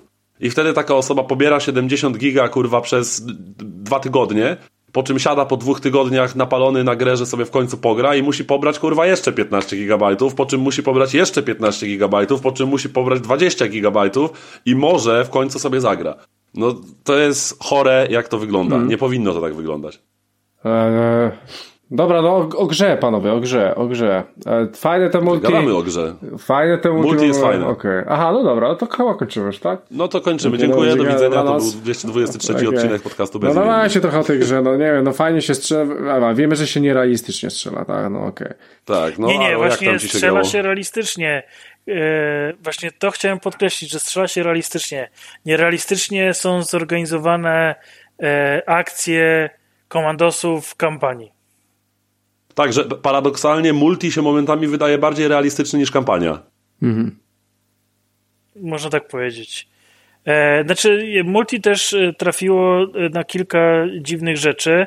Mianowicie mapa, która miała być w becie na torze wyścigowym F1, nagle z Swoją be- drogą z bety, zajebista mapa. Bardzo z mi się podoba. zniknęła, pojawiła się w pełnej wersji pod inną nazwą.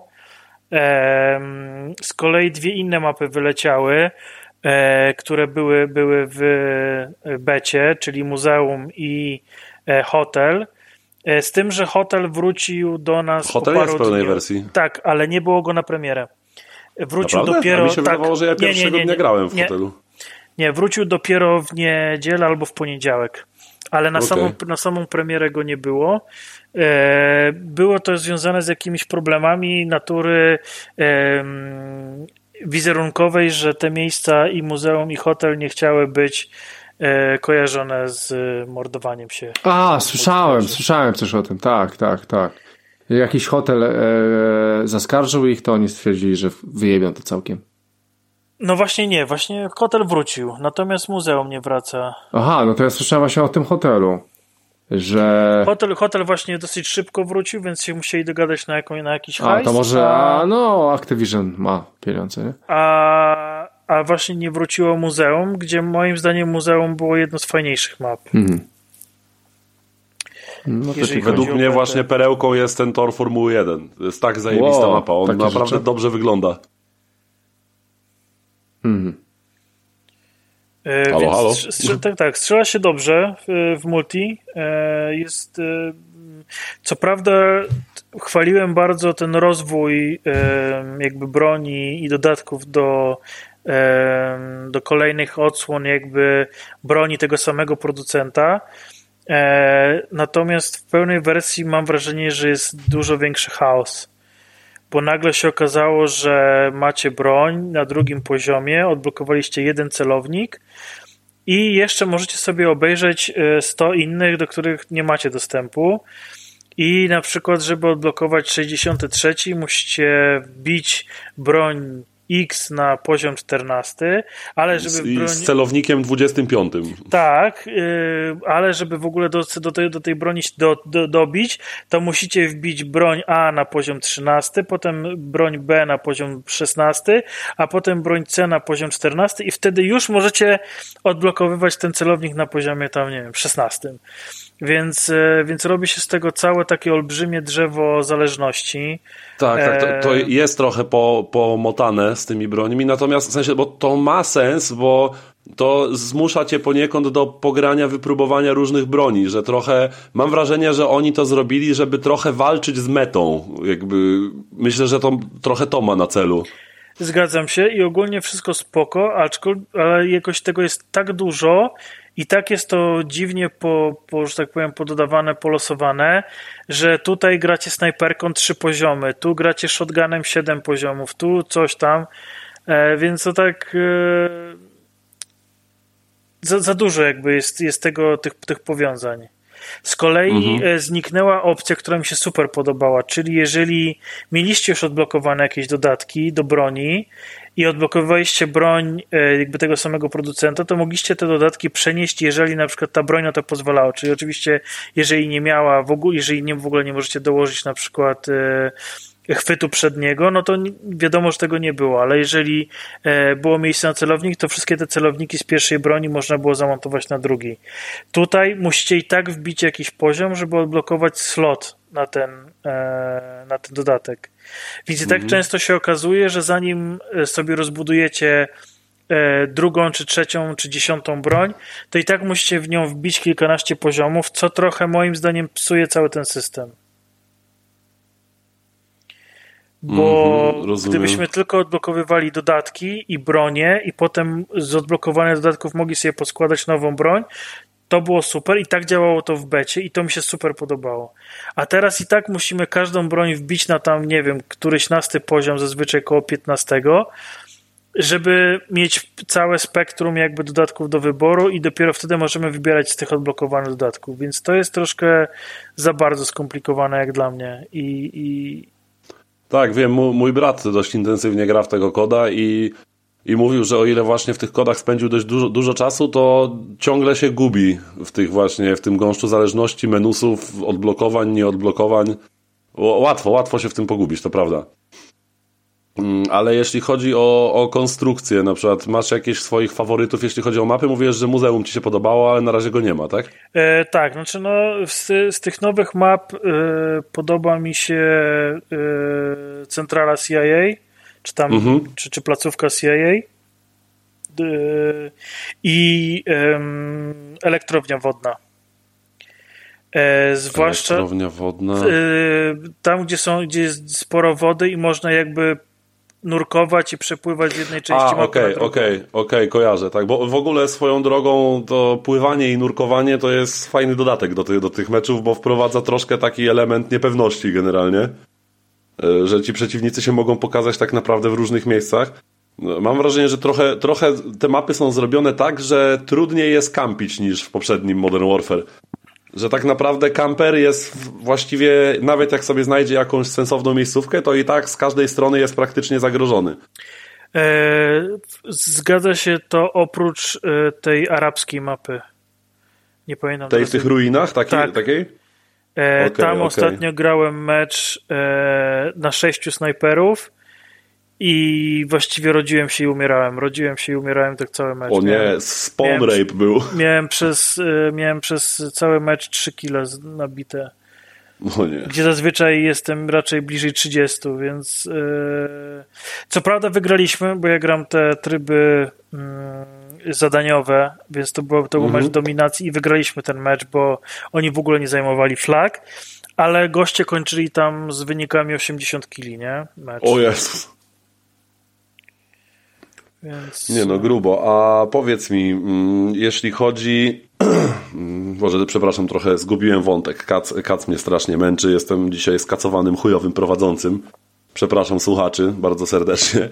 E, Do czego zmierzałem? Mm, Ogólnie, e, tak jak mówiliśmy, gra trochę, trochę zwolniła, e, ale jednocześnie zdarzyło mi się parę absurdalnych sytuacji, kiedy mówiłem to chłopakom i widziałem w ogóle bardzo podobną sytuację na jakimś filmiku na Instagramie, że generalnie rzuciłem granat, dostałem headshota, po czym zrespiło mnie na moim własnym granacie.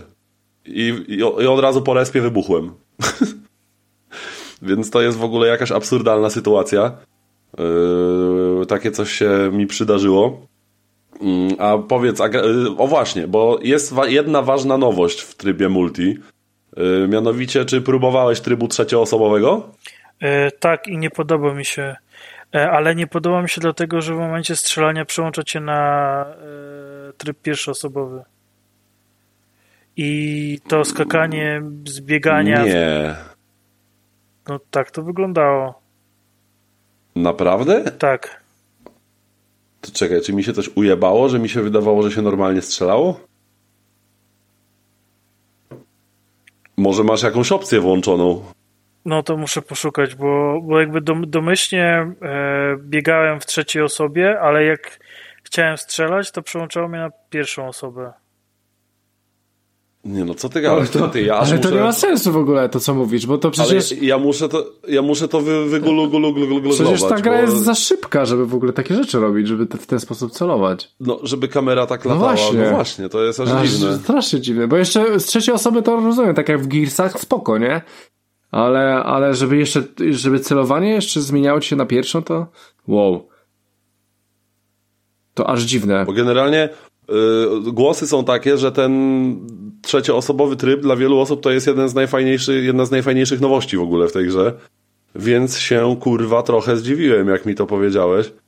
Poczekaj, bo aż muszę sobie to, muszę sobie to wygooglać, bo szczerze to troszkę mi rozjebałeś beret teraz. Kompletnie jakieś mam inne wrażenie. Czy, czy ja już jestem jakiś psychiczny, że mi się wydaje? Może jesteś psychiczny. Znaczy ja nie, Czekaj, nie, no bo nie grałem. oglądam sobie filmik, facet sobie biega, biega, biega, biega. A rzeczywiście, przechodzi w tryb pierwszoosobowy, to jest błyskawiczne w sumie. Dziwne. Ale to po co? Tak, to po co ten trzecioosobowy? Żeby więcej widzieć, co najwyżej ewentualnie. on, on tak, bo generalnie masz dzięki temu zupełnie inną wizję, nie? No to- Jesteś w stanie skitrać się za ścianą i obracać kamerę i widzieć, czy ktoś nie nadbiega z za ściany, czego w pierwszoosobowym trybie nie zobaczysz. Mhm. Więc, więc to trochę zmienia w ogóle dynamikę. A, okej, on tu, dobrze, mi się pojebało, że po prostu z biodra się strzela e, normalnie z, z trzeciej osoby. Mhm. Mm, Więc wtedy jakby w tym trze trzecioosobowym trybie strzelanie z biodra ma trochę więcej sensu, nie? No i właśnie, o, teraz facet sobie siedzi, patrzy, si- siedzi sobie za murkiem skitrany i widzi jak nadbiega dwóch przeciwników, nie? I się może upozycjonować odpowiednio, bo widzi gdzie oni się kierują. Więc to zmienia, zmienia podejście do gry, dynamikę. Ale swoją drogą zaskoczyły mnie, zaskoczyła mnie jakość animacji w tym trzecioosobowym trybie, bo naprawdę ci żołnierze się dobrze ruszają. gdzie szczerze myślałem, że przy tak dynamicznej strzelance te ich ruchy będą absurdalnie nienaturalne. Natomiast wygląda to dobrze, wygląda to tak trochę battlefieldowo wręcz. Naprawdę, naprawdę przyjemnie się, przyjemnie się na to patrzy. E, I w ogóle, jak chwilę zagrałem w ten trzecioosobowy tryb, gdzie po prostu teraz mi totalnie rozjebało łeb, że rzeczywiście tu się z pierwszej osoby strzela jednak momentami, to mnie się w to grało lepiej niż, e, niż zwykły momentami. Ale ja jestem po prostu tak absurdalnie chujowy w, te, w Call of Duty, że to jest aż niewiarygodne. Bo generalnie średni mój wynik to jest 5 kili i 15 zgonów, nie?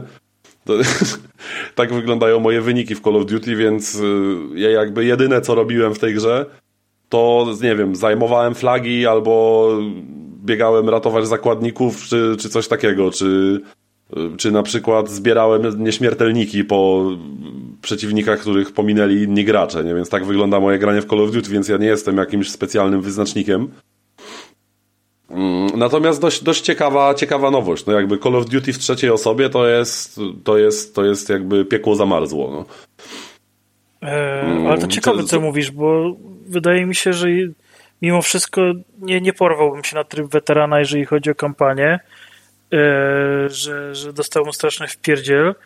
E, natomiast e, no jeżeli chodzi o multi, no to ja zazwyczaj, tak jak mówię, mam około 30 kili i rzadko wypadam poza pierwszą dwójkę w tabeli. To ja rzadko wypadam poza ostatnie miejsce generalnie w tabelach. Więc no tak, ciekawe, ale... że, że tak mamy no, ale, te... ale wiesz o co chodzi, bo ja generalnie gry typu kod na wyższym poziomie trudności, to ja ich nie pokonuję skillem, tylko raczej bardziej samozaparciem i, i zwyczajnie ja mogę sobie powtarzać do woli jakby sytuację w, w takim weteranie i mogę się jej nauczyć na pamięć, nawet będąc tak absurdalnie, ekstremalnie, kosmicznie, intergalaktycznie chujowym w strzelanki jak ja można się po prostu tych momentów nauczyć, wyczaić, gdzie ci przeciwnicy są i się przygotować na to, co się stanie. Natomiast w multi, no ja jestem za wolny po prostu. Ja, ja mam wolny mózg, jakby nie jestem zbyt lotny, jeśli chodzi o takie szybkie podejmowanie decyzji, jak, jakie jest właśnie wymagane w multi, w multi w kodzie. I, I dlatego to jest po prostu, to nie są gry dla mnie. Ja, ja sobie w to chciałem pograć, bo kiedyś tam spędziłem te, nie wiem, 500 godzin właśnie w tym Modern Warfare pierwszym w Warzone. Będąc non stop ostatnim w, w grze, tak? No tak, generalnie to jest to jest Ale że w ogóle ciekawe, się chce, ja... nie? Dostajesz wpierdol i jeszcze grasz, tak, i grasz tak, zaparcie że, że ja grasz. grałem, grałem 500 godzin i nadal byłem chujowy. To jest jakby evenement. No jest, ja jebie. No, no ja się nie nadaję do takich gier, natomiast chciałem sprawdzić, bo, no, bo ogólnie ja się w tym w pierwszym Modern Warfare bawiłem się dobrze, tak? Więc, y, no mówię, to było pierwsze, pierwsze Call of Duty, które grałem w multi tak naprawdę dłużej niż jeden mecz, mm. Mhm. I, I wtedy się wkręciłem, bo to były czasy, jak ja jeszcze. Yy, to był mój koniec mojego pobytu w Londynie, kiedy się pojawił Warzone. I z chłopakami wbiliśmy na tego Warzona i się mega wkręciliśmy do tego stopnia, że aż kupiłem po prostu wtedy Modern Warfare i trochę pograłem właśnie w to multi. Yy, no i, i, mówię, no jakby dla mnie ten trzecio, trzecioosobowy tryb był troszkę bardziej mi się pozwalał zorientować w sytuacji, bo yy, nie umiałem tak przewidywać ruchów przeciwników yy, patrząc z pierwszej osoby, jak właśnie patrząc z osoby trzeciej. Ale no to widzę, są totalnie różne, różne podejścia do tego. E, co jeszcze? Ty w ogóle, Arrow, masz jeszcze jakieś przemyślenia odnośnie tego koda? E, znaczy, no trzeba do, jeszcze dodać, że jest e, kolejny dosyć nowy tryb w kodzie, który miał jakby przypominać Battlefielda, taki typ, typowego. Inwazja? A, słyszałem, tak. że jest bardzo chujowy, słyszałem, ale, ale to tylko słyszałem. I były już podobne podjazdy, wydaje mi się, że w World War II E, gdzie, ty, tylko, że tam był bardziej podbój. A, że, nie, to bo ty mówisz, kolejne... ty mówisz o wojnie naziemnej teraz, nie? Tak, tak, tak, tak, tak. Bo wo wojna naziemna, a inwazja to jest trochę co innego. Wiem, wiem, wiem, ale właśnie, że była tam ta, ten, ten, ten podbój i to było całkiem spoko. Natomiast tutaj ta inwazja, czyli zajmowanie tych flag, e, tam, są, tam się pojawiają boty. E, no jakoś tak mi to nie. Nie, to nie, boty, są, boty są w inwazji a nie w wojnie naziemnej. Wojna naziemna to jest ten tryb właśnie, gdzie pojawiają się boty, takie moby, do których możesz napierdalać, żeby sobie nabijać killstreaki. E, to jest mniejsza mapa, chociaż też są duże te mapy, ale mniejsze niż w wojnie naziemnej, bo wojna naziemna to jest ten tryb z pojazdami. a, a inwazja to jest właśnie ten tryb z, z botami. Jest, no, ale, oba jakby, ale chyba oba mają jakby symulować to, co teraz prezentuje nowy Battlefield. Wojna naziemna to jest Battlefieldowy. No nie, bo jakby, bo jakby ten podbój też jest w, to jest drugi główny tryb w Battlefieldzie, po, po, gdzie jest tych pojazdów dużo mniej. Tam trochę się ich pojawia, ale, ale jest ich mniej, ale zdobywa się jakby kolejne przyczółki i przesuwa mm -hmm, się mm -hmm. linię frontu. A, okej, okay, racja, racja, racja. Tak, no, no, no masz rację. I co, i, i nie podobało ci się nie, to? to mi nie podeszło. To jest dla mnie jakoś nie, nie pas... Może dlatego, że właśnie, że to jest na tych, na tych zasadach softcore'u. Eee, że jakoś... Znaczy, bo według mnie Call of Duty się nie sprawdza w ogóle, jeśli chodzi o, o duże tryby. Tak. Jeśli mam być szczery. Tak, to ja mam takie samo wrażenie. Bo, bo generalnie Call of Duty lepsze jest właśnie na ciasnych, szybkich mapach, gdzie mamy szybki ten time to kill, szybkie odrodzenia, raczej, znaczy chyba, że mowa na przykład, bo mi dla odmiany bardzo podszedł ten tryb z ratowaniem zakładników. Yy, to było spoko. Tam gdzie, tam, gdzie były, o dziwo właśnie podszedł mi bardzo tryb, w którym były wyłączone respy, bo tam ludzie grają dużo bardziej zachowawczo i, i ten tryb był dużo bardziej nieprzewidywalny dla mnie, bo tam powiedzmy jeden ogarnięty grajek był w stanie ogarnąć tak naprawdę sytuację, która z góry się wydawała przegrana. I, i to było ciekawe. Natomiast w tych właśnie dużych trybach to króluje taki totalny, absolutny chaos i który jest dla mnie zbyt przytłaczający. I o ile w Battlefieldzie to ma sens, bo w Battlefieldzie ogólnie masz ten taki y, atmosferę takiej wojny totalnej, że po prostu jest totalny rozpierdol, walące się budynki, lata, latające pojazdy z każdej strony, ludzie zaskakujący na spadochronach z wieżowców, walące się wieżowce, tsunami, tornada i chuj wie co jeszcze. I, a, a tutaj tak naprawdę jest po prostu okrutny młyn i napierdalanka i, i nic poza tym w tych, w, w, tych takich dużych trybach powiedzmy kodowych, nie? Znaczy główną bolączką kodów jest to, że mało ludzi gra Objective w trybach Objective. Mhm, I tak, no, tak, dokładnie. Jeszcze Przy przykładowe więcej, zajmowanie stref czy coś, nie? Jeszcze bardziej jakby jest uwidocznione w tych dużych trybach. Gdzie tak, tym bardziej to widać, mapach, że ludzie tylko napierdalają fragi i nic więcej. Tak, że jak na małych mapach jest to strzelanie, to jednak gdzieś tam przypadkiem wbiegają chociaż w te flagi, coś z nimi robią, nie? Mhm. Czy, czy, czy, czy w tę strefę tam hardpoint. Natomiast yy, w tych wielkich trybach często jest tak, że w ogóle to jest jeden wielki campfest. Mhm. Ludzie po dwóch stronach mapy strzelają do siebie ze snajperek, nikt tak, nie robi. Tak, najlepsze to wychodzisz na jakiś dach i nagle widzisz po prostu na przeciwległym krańcu mapy, jak rozświetlony stadion, te błyski, błyski lunet. Fleszy, no. Błyski fleszy po prostu, jakby ci zdjęcia robili za przekroczenie prędkości. Dramat. No ja tam nie możesz wyściubić dużego palca u stopy z zamurka, bo od razu headshota dostajesz z drugiego końca mapy. Jeżeli chodzi o ten tryb, który wspomniałeś, to w ogóle dodali też e, kilka tych trybów właśnie takich, e, gdzie e, nie ma respów mhm. aż do końca rundy. I są reanimacje w ogóle. To I są ciekawe. reanimacje.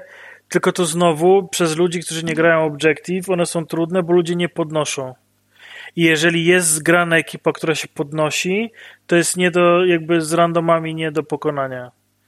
Bo ran, randomowi ci, gracze że... rzadko, rzadko kiedy się podnoszą. A, a, ja o dziwo, jak grałem właśnie w, te, w to ratowanie zakładników, to właśnie zadziwiająco często ktoś mnie podnosił i nawet współpracowali i rzucali skrzynkę z amunicją czy coś. O, Jakoś Miałeś nie wiem, może dobrze trafiłem po prostu, ale ogólnie miałem wrażenie, że w, tym, w tego typu trybach jest mniej spoconych dziesięciolatków, co grają po 27 godzin dziennie w koda i po prostu mniej było właśnie popierdoleńców, którzy wyskakują z rogu, zeskakują z balkonu i w locie robią ci 360 no-scope przy, przy każdym strzale. Mm, I właśnie miałem wrażenie, że tego typu właśnie spoceńców było mniej w tych, w tych trybach teoretycznie trudniejszych, więc raczej spodziewałem się właśnie takich wykolejeńców właśnie w takim trybie, który wymaga naprawdę skilla, ale jednak okazywało się, że przynajmniej w moim wypadku raczej tam królował klimat takiej bardziej zachowawczej gry. I, I właśnie ludzie mnie podnosili zazwyczaj jak padłem, jakoś tam się, jakoś tam się ta współpraca układała. Więc, więc może po prostu miałem szczęście, trudno mi powiedzieć. Może muszę wrócić. Natomiast y, zdecydowanie wolniej się tam rozwija broń, nie? Tak, tak, exp leci, w ogóle cały, cały ten karnet, którego jeszcze teoretycznie nie ma, tam w ogóle dość wolno idzie exp w tej grze. E, znaczy, no mi idzie szybko, dlatego że gram z kolegą. I jeżeli gracie mhm. w co najmniej dwuosobowym party, to jest bonus do expa do broni. 25% A, okay. szybciej leci. O, o tym nawet nie wiedziałem. E, więc, więc, więc jest o tyle dobrze, że właśnie można to jakoś tam szybciej szybciej podbić. I niby to jest 25% e, oficjalnie, ale mam takie wrażenie czasami, że, że, że więcej. No i w tych wszystkich trybach, e, jak tam właśnie e, zbieranie nieśmiertelników, czy zdobywanie flagi, czy, czy, czy przyjmowanie strefy, e, to broń, którą macie aktualnie w rękach i zdobywacie nią tam punkty, to leci też exp do niej. Że okay, kiedyś było okay. to tylko za kile, a teraz właśnie jeżeli to... A, że w momencie jak zabezpieczasz punkt, to dostajesz tak. punkty do, do broni, broni, którą trzymasz w ręce po tak, prostu. Tak, tak, tak. tak. No. Więc tak, to, to jest tam, spoko. Ale wydaje mi się, że to zostało dodane w poprzednim MW. E, nie pamiętam szczerze. Tak mi się e, wydaje. A nie, tam było, jakieś... że w Warzone, w Warzone A, za... nie, no w Warzone tak. W Warzone za samo po prostu bieganie. Tam Zbieranie danych nic, czy coś. No. Nie, w ogóle nic nie trzeba robić. W ogóle jeżeli się A. skitracie gdzieś po prostu stoicie, to, za, to tam co jakiś czas dostajecie punkty, e, punkty do broni. Tak, tak, tak, zgadza się. Za samo przeżycie Dokładnie na tak. mapie. Swoją drogą, moim chyba ulubionym, ty, masz w ogóle jakiś ulubiony tryb w, w tym kodzie nowym? E, znaczy ja najbardziej lubię właśnie ten hardpoint i domination. Wła y, dokładnie, ja tak samo. Hardpoint jest chyba w ogóle moim ulubionym trybem, bo to mamy na myśli umocniony punkt, tak? tak Ten, co tak, się tak, zmienia tak, strefa tak, cały tak, czas.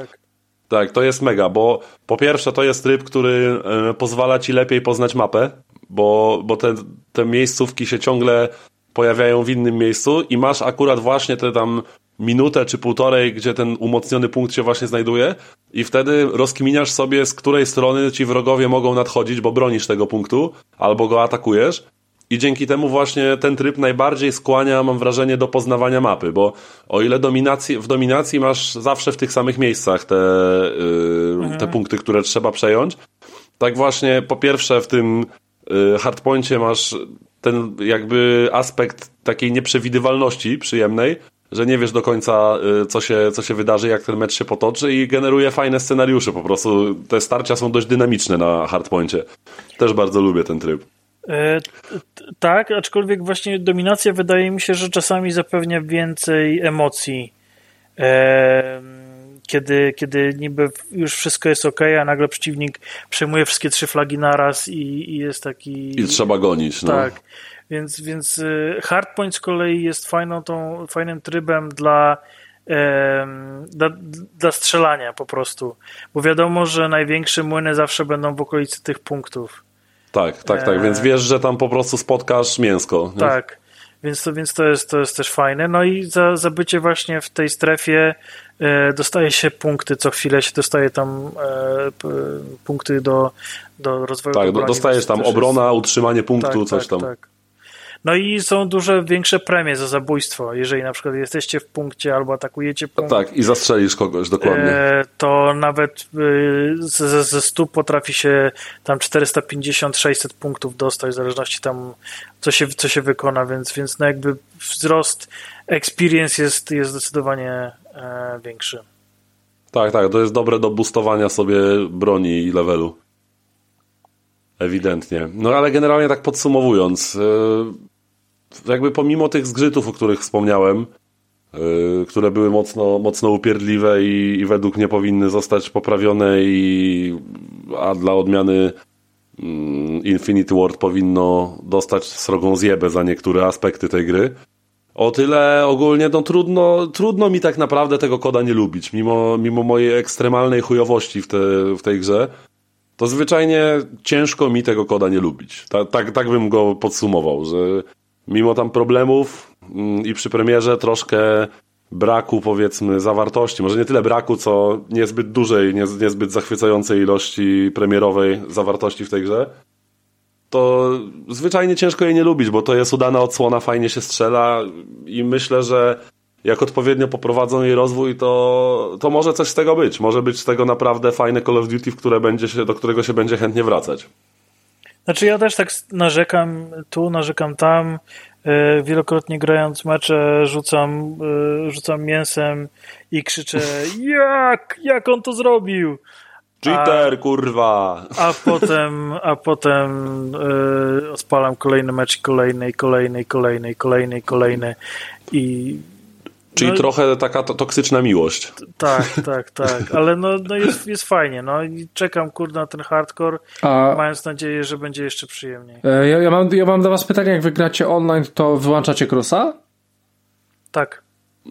Ja nie wyłączałem akurat. No ja właśnie. Wyłączam. No właśnie. Ja, ja... to, może dlatego, to, to, może dlatego miałem KD 0,01, bo nie wyłączałem no, crossplaya. No widzisz. No dobra, ale yy, i co? Jest sens e, brać tego Call of Duty w takim razie? Może poczekać sobie na Warzona dwójkę, czy rzucać się na te Call of Duty? Jak myślicie? Znaczy, ja bym poczekał, bo myślę, że ta gra, kiedy będzie kosztować na przykład, nie wiem, 250-260 złotych, jak najbardziej. Mhm. Gdyby, gdyby w takim stanie wyszła za taką cenę, tak. Ale 320 zł za dość okrojoną zawartość, problematyczną instalację yy, i do tego właśnie cyrki z, tym, z tymi 70 gigabajtami danych na płycie. Yy, inaczej, jak, jak ktoś lubi sieciowe strzelanki, jeśli ktoś lubi Call of Duty, no to wiadomo, że i tak tę grę kupi i się nie zawiedzie, bo to jest bardzo fajna odsłona momentami dobrze wyglądająca, momentami gorzej, ale, ale generalnie udana I, i wydaje mi się, że, że każdy, kto kupi, kto chce sobie postrzelać i spędzić trochę fajnych wieczorów, nie wiem, z ziomkami, czy też samemu na, na multi, to, to zdecydowanie można. Można, można tę grę kupić i, i raczej się nie zawiedziemy. Mhm. Znaczy, je, jeżeli jesteście fanami, to już macie tę grę i w nią gracie, Dokładnie. a jeżeli jej nie kupiliście, to e, to spokojnie możecie poczekać jeszcze chwilę. E, tak, dokładnie. Natomiast uważam, że nawet, mówię, skoro ja spróbowałem Call of Duty i w ogólnym rozrachunku mi się spodobało, a ja nigdy nie byłem za bardzo multiplayerowym graczem, tak jak zawsze wspominałem, że tak naprawdę jedyne gry, gry przy których spędziłem więcej czasu na multi, no to właśnie było World of Tanks i, i Warzone z, i, i Modern Warfare poprzednie. Mm, no i skoro komuś takiemu jak ja się ta gra spodobała, więc może warto spróbować ze swojej strefy komfortu wyjść czasem i, i spróbować, bo a nuż, a nuż się wam spodoba, będziecie się dobrze bawić, więc, więc nie bójcie się, ale póki co poczekajcie, aż troszkę ta gra stanieje i może dostanie więcej zawartości sensownej, nie? Tak mi się wydaje, że można tak podsumować. E, czy słyszeliście e, odpowiedź e, EA Battlefielda na Modern Warfare'a? E, jeszcze raz, bo nie, przerwało mi cię ja coś. widziałem tylko post, y, że e, gratulują udanej premiery. Okej. Okay. E, no to właśnie wyszło przed chwilą, no parę godzin temu informacja, że Battlefield będzie w Game Passie. Z, wow. z, nowym sezonem trzecim wejdzie do Game Passa, więc pewnie po prostu chcą zachęcić graczy, bo pewnie już jest teraz tam dramat na serwerach. Znaczy wejdzie nie, chyba do nie, nie, właśnie... EA Play, a nie Game Passa, tak? Wejdzie do Game Playa. E, Game Passa, tak? A co powiedziałem? Znaczy, no bo EA Play jest jakby częścią no Game Passa. Tak, no po nie? prostu, no tak, tak, tak. Więc e, wejdzie do. Będzie w Game Passie gra, tak? E, no tak. Więc na tą odpowiedź, bo, bo pewnie domyślam się, że tam jest teraz dramat po premierze Call, nie, Call of Duty. Nie jest, właśnie, nie jest. Nie jest, no, bo... nawet chyba Co? gadaliśmy o A tym. To, niedawno. to jest ciekawa sprawa. No, no, no. Znaczy, ja wręcz y, teraz y, miałem w zeszłym tygodniu miałem taki przestój, że, że nie mogłem z nikim zagrać E, a chciałem sobie coś postrzelać i odpaliłem sobie Battlefielda, bo właśnie w drugim sezonie tam wbijam karnet e, sezonowy mhm.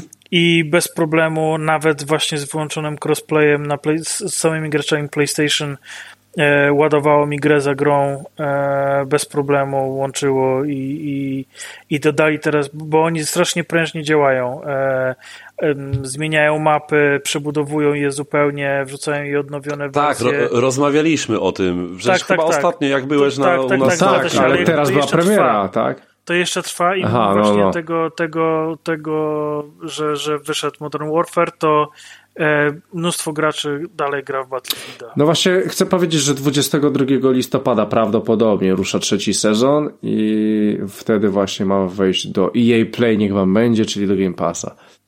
E, to taka ciekawostka i pewnie najebie tych graczy od chuja, bo no, pe znaczy, pewnie ja sobie ściągnę i sobie na pewno odpalę Battlefielda. Sezon trzeci ma wprowadzić dużo zmian i według jakby roadmapy e, tak naprawdę sezon trzeci ma być takim absolutnym już uzdrowieniem tej gry e, dla wszystkich, więc... Czyli, w, no... czyli wtedy powinna ta gra wyjść. Tak ma sprawę. Tak. Mo, może, może być ciekawie. No niestety, niestety żyjemy w czasach dość kalekich premier. to, jest, to jest znak czasów po prostu. E, ale słuchajcie, mm, pomału chyba będziemy Zawijać. E, zmierzać no tak, tak. do brzegu. E, więc chyba tak już podsumowując ostatecznie, Spróbujcie, spróbujcie sobie koda, jak mówię, jak jesteście fanami, to już gracie, jak nie jesteście, warto spróbować, ale może, może warto, nawet jak nie stanieje, to poczekać troszkę, aż będzie tej, tej zawartości trochę więcej. E, ale tak czy siak warto, warto w tę grę zagrać, bo to jest udane, fajne Call of Duty w przeciwieństwie do paździerzowatego Vanguarda. Także, także warto spróbować, bo w ogóle wrócił ten feeling broni z Modern Warfare, a jak chwilę zagrałem sobie w Cold War'a na przykład u, u mojego ziomka na koncie, mm -hmm no to Cold War mi kompletnie nie podszedł. Tam to strzelanie i bieganie wydawało się tak plastikowe i, i nieprzyjemne, że błyskawicznie zostawiłem. A tutaj wróciło, wróciło to pierdolnięcie tych pukawek. I, I naprawdę fajnie, fajnie ja się jeszcze, strzela, także... E, a ja jeszcze chciałbym mhm. się Tomka coś zapytać, e, póki jeszcze u nas jest. Tomko, ty, ty wolisz Battlefielda czy Call of Duty? E, Call of Duty. Aha, okej. Okay. Czyli tu się dalej nic nie zmieniło, dalej wolisz Call of Duty. Tak, tak, tak. Okej, tak. okej, okay, no. No to dobrze podsumowuję. Bo tak, skoro, nie, bo... skoro Arrow, Arrow nie, nie zniechęcił się do koda, okay, to no znaczy, no tak. że to dobry kod. Tak, tak, tak. tak. Ja, nie, bo tak pomyślałem też o tym realizmie, bo wydaje mi się, że w Battlefieldzie był większy realizm, a ty jesteś... E... E, tak, to, tak to wyglądało e, dawien dawno, Aha, okay, przy okazji okay, premiery no, trójki, e, i, ale jakoś tak e, no ten Battlefield troszkę odszedł od tego realizmu. Wydaje mi się, że E, było to spowodowane tym, czego gracze tak naprawdę oczekują, że niby się mówi o tym realizmie, ale tak naprawdę nikt go nie chce.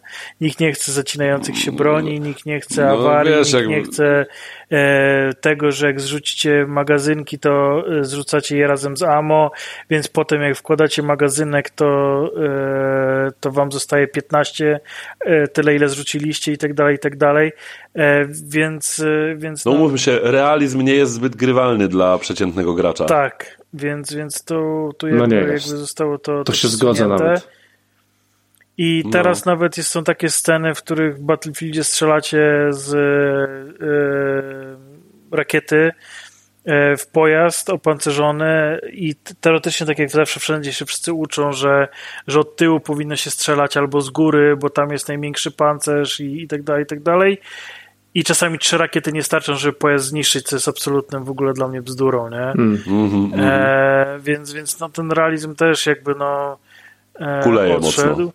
E, natomiast no tutaj jakby te wszystkie takie rzeczy związane z obsługą broni, ładowanie, przeładowanie, zmianę magazynków, no tu spokojnie można sobie odpalać te rzeczy i uczyć się w domu na swojej broni, jak się to powinno robić, nie?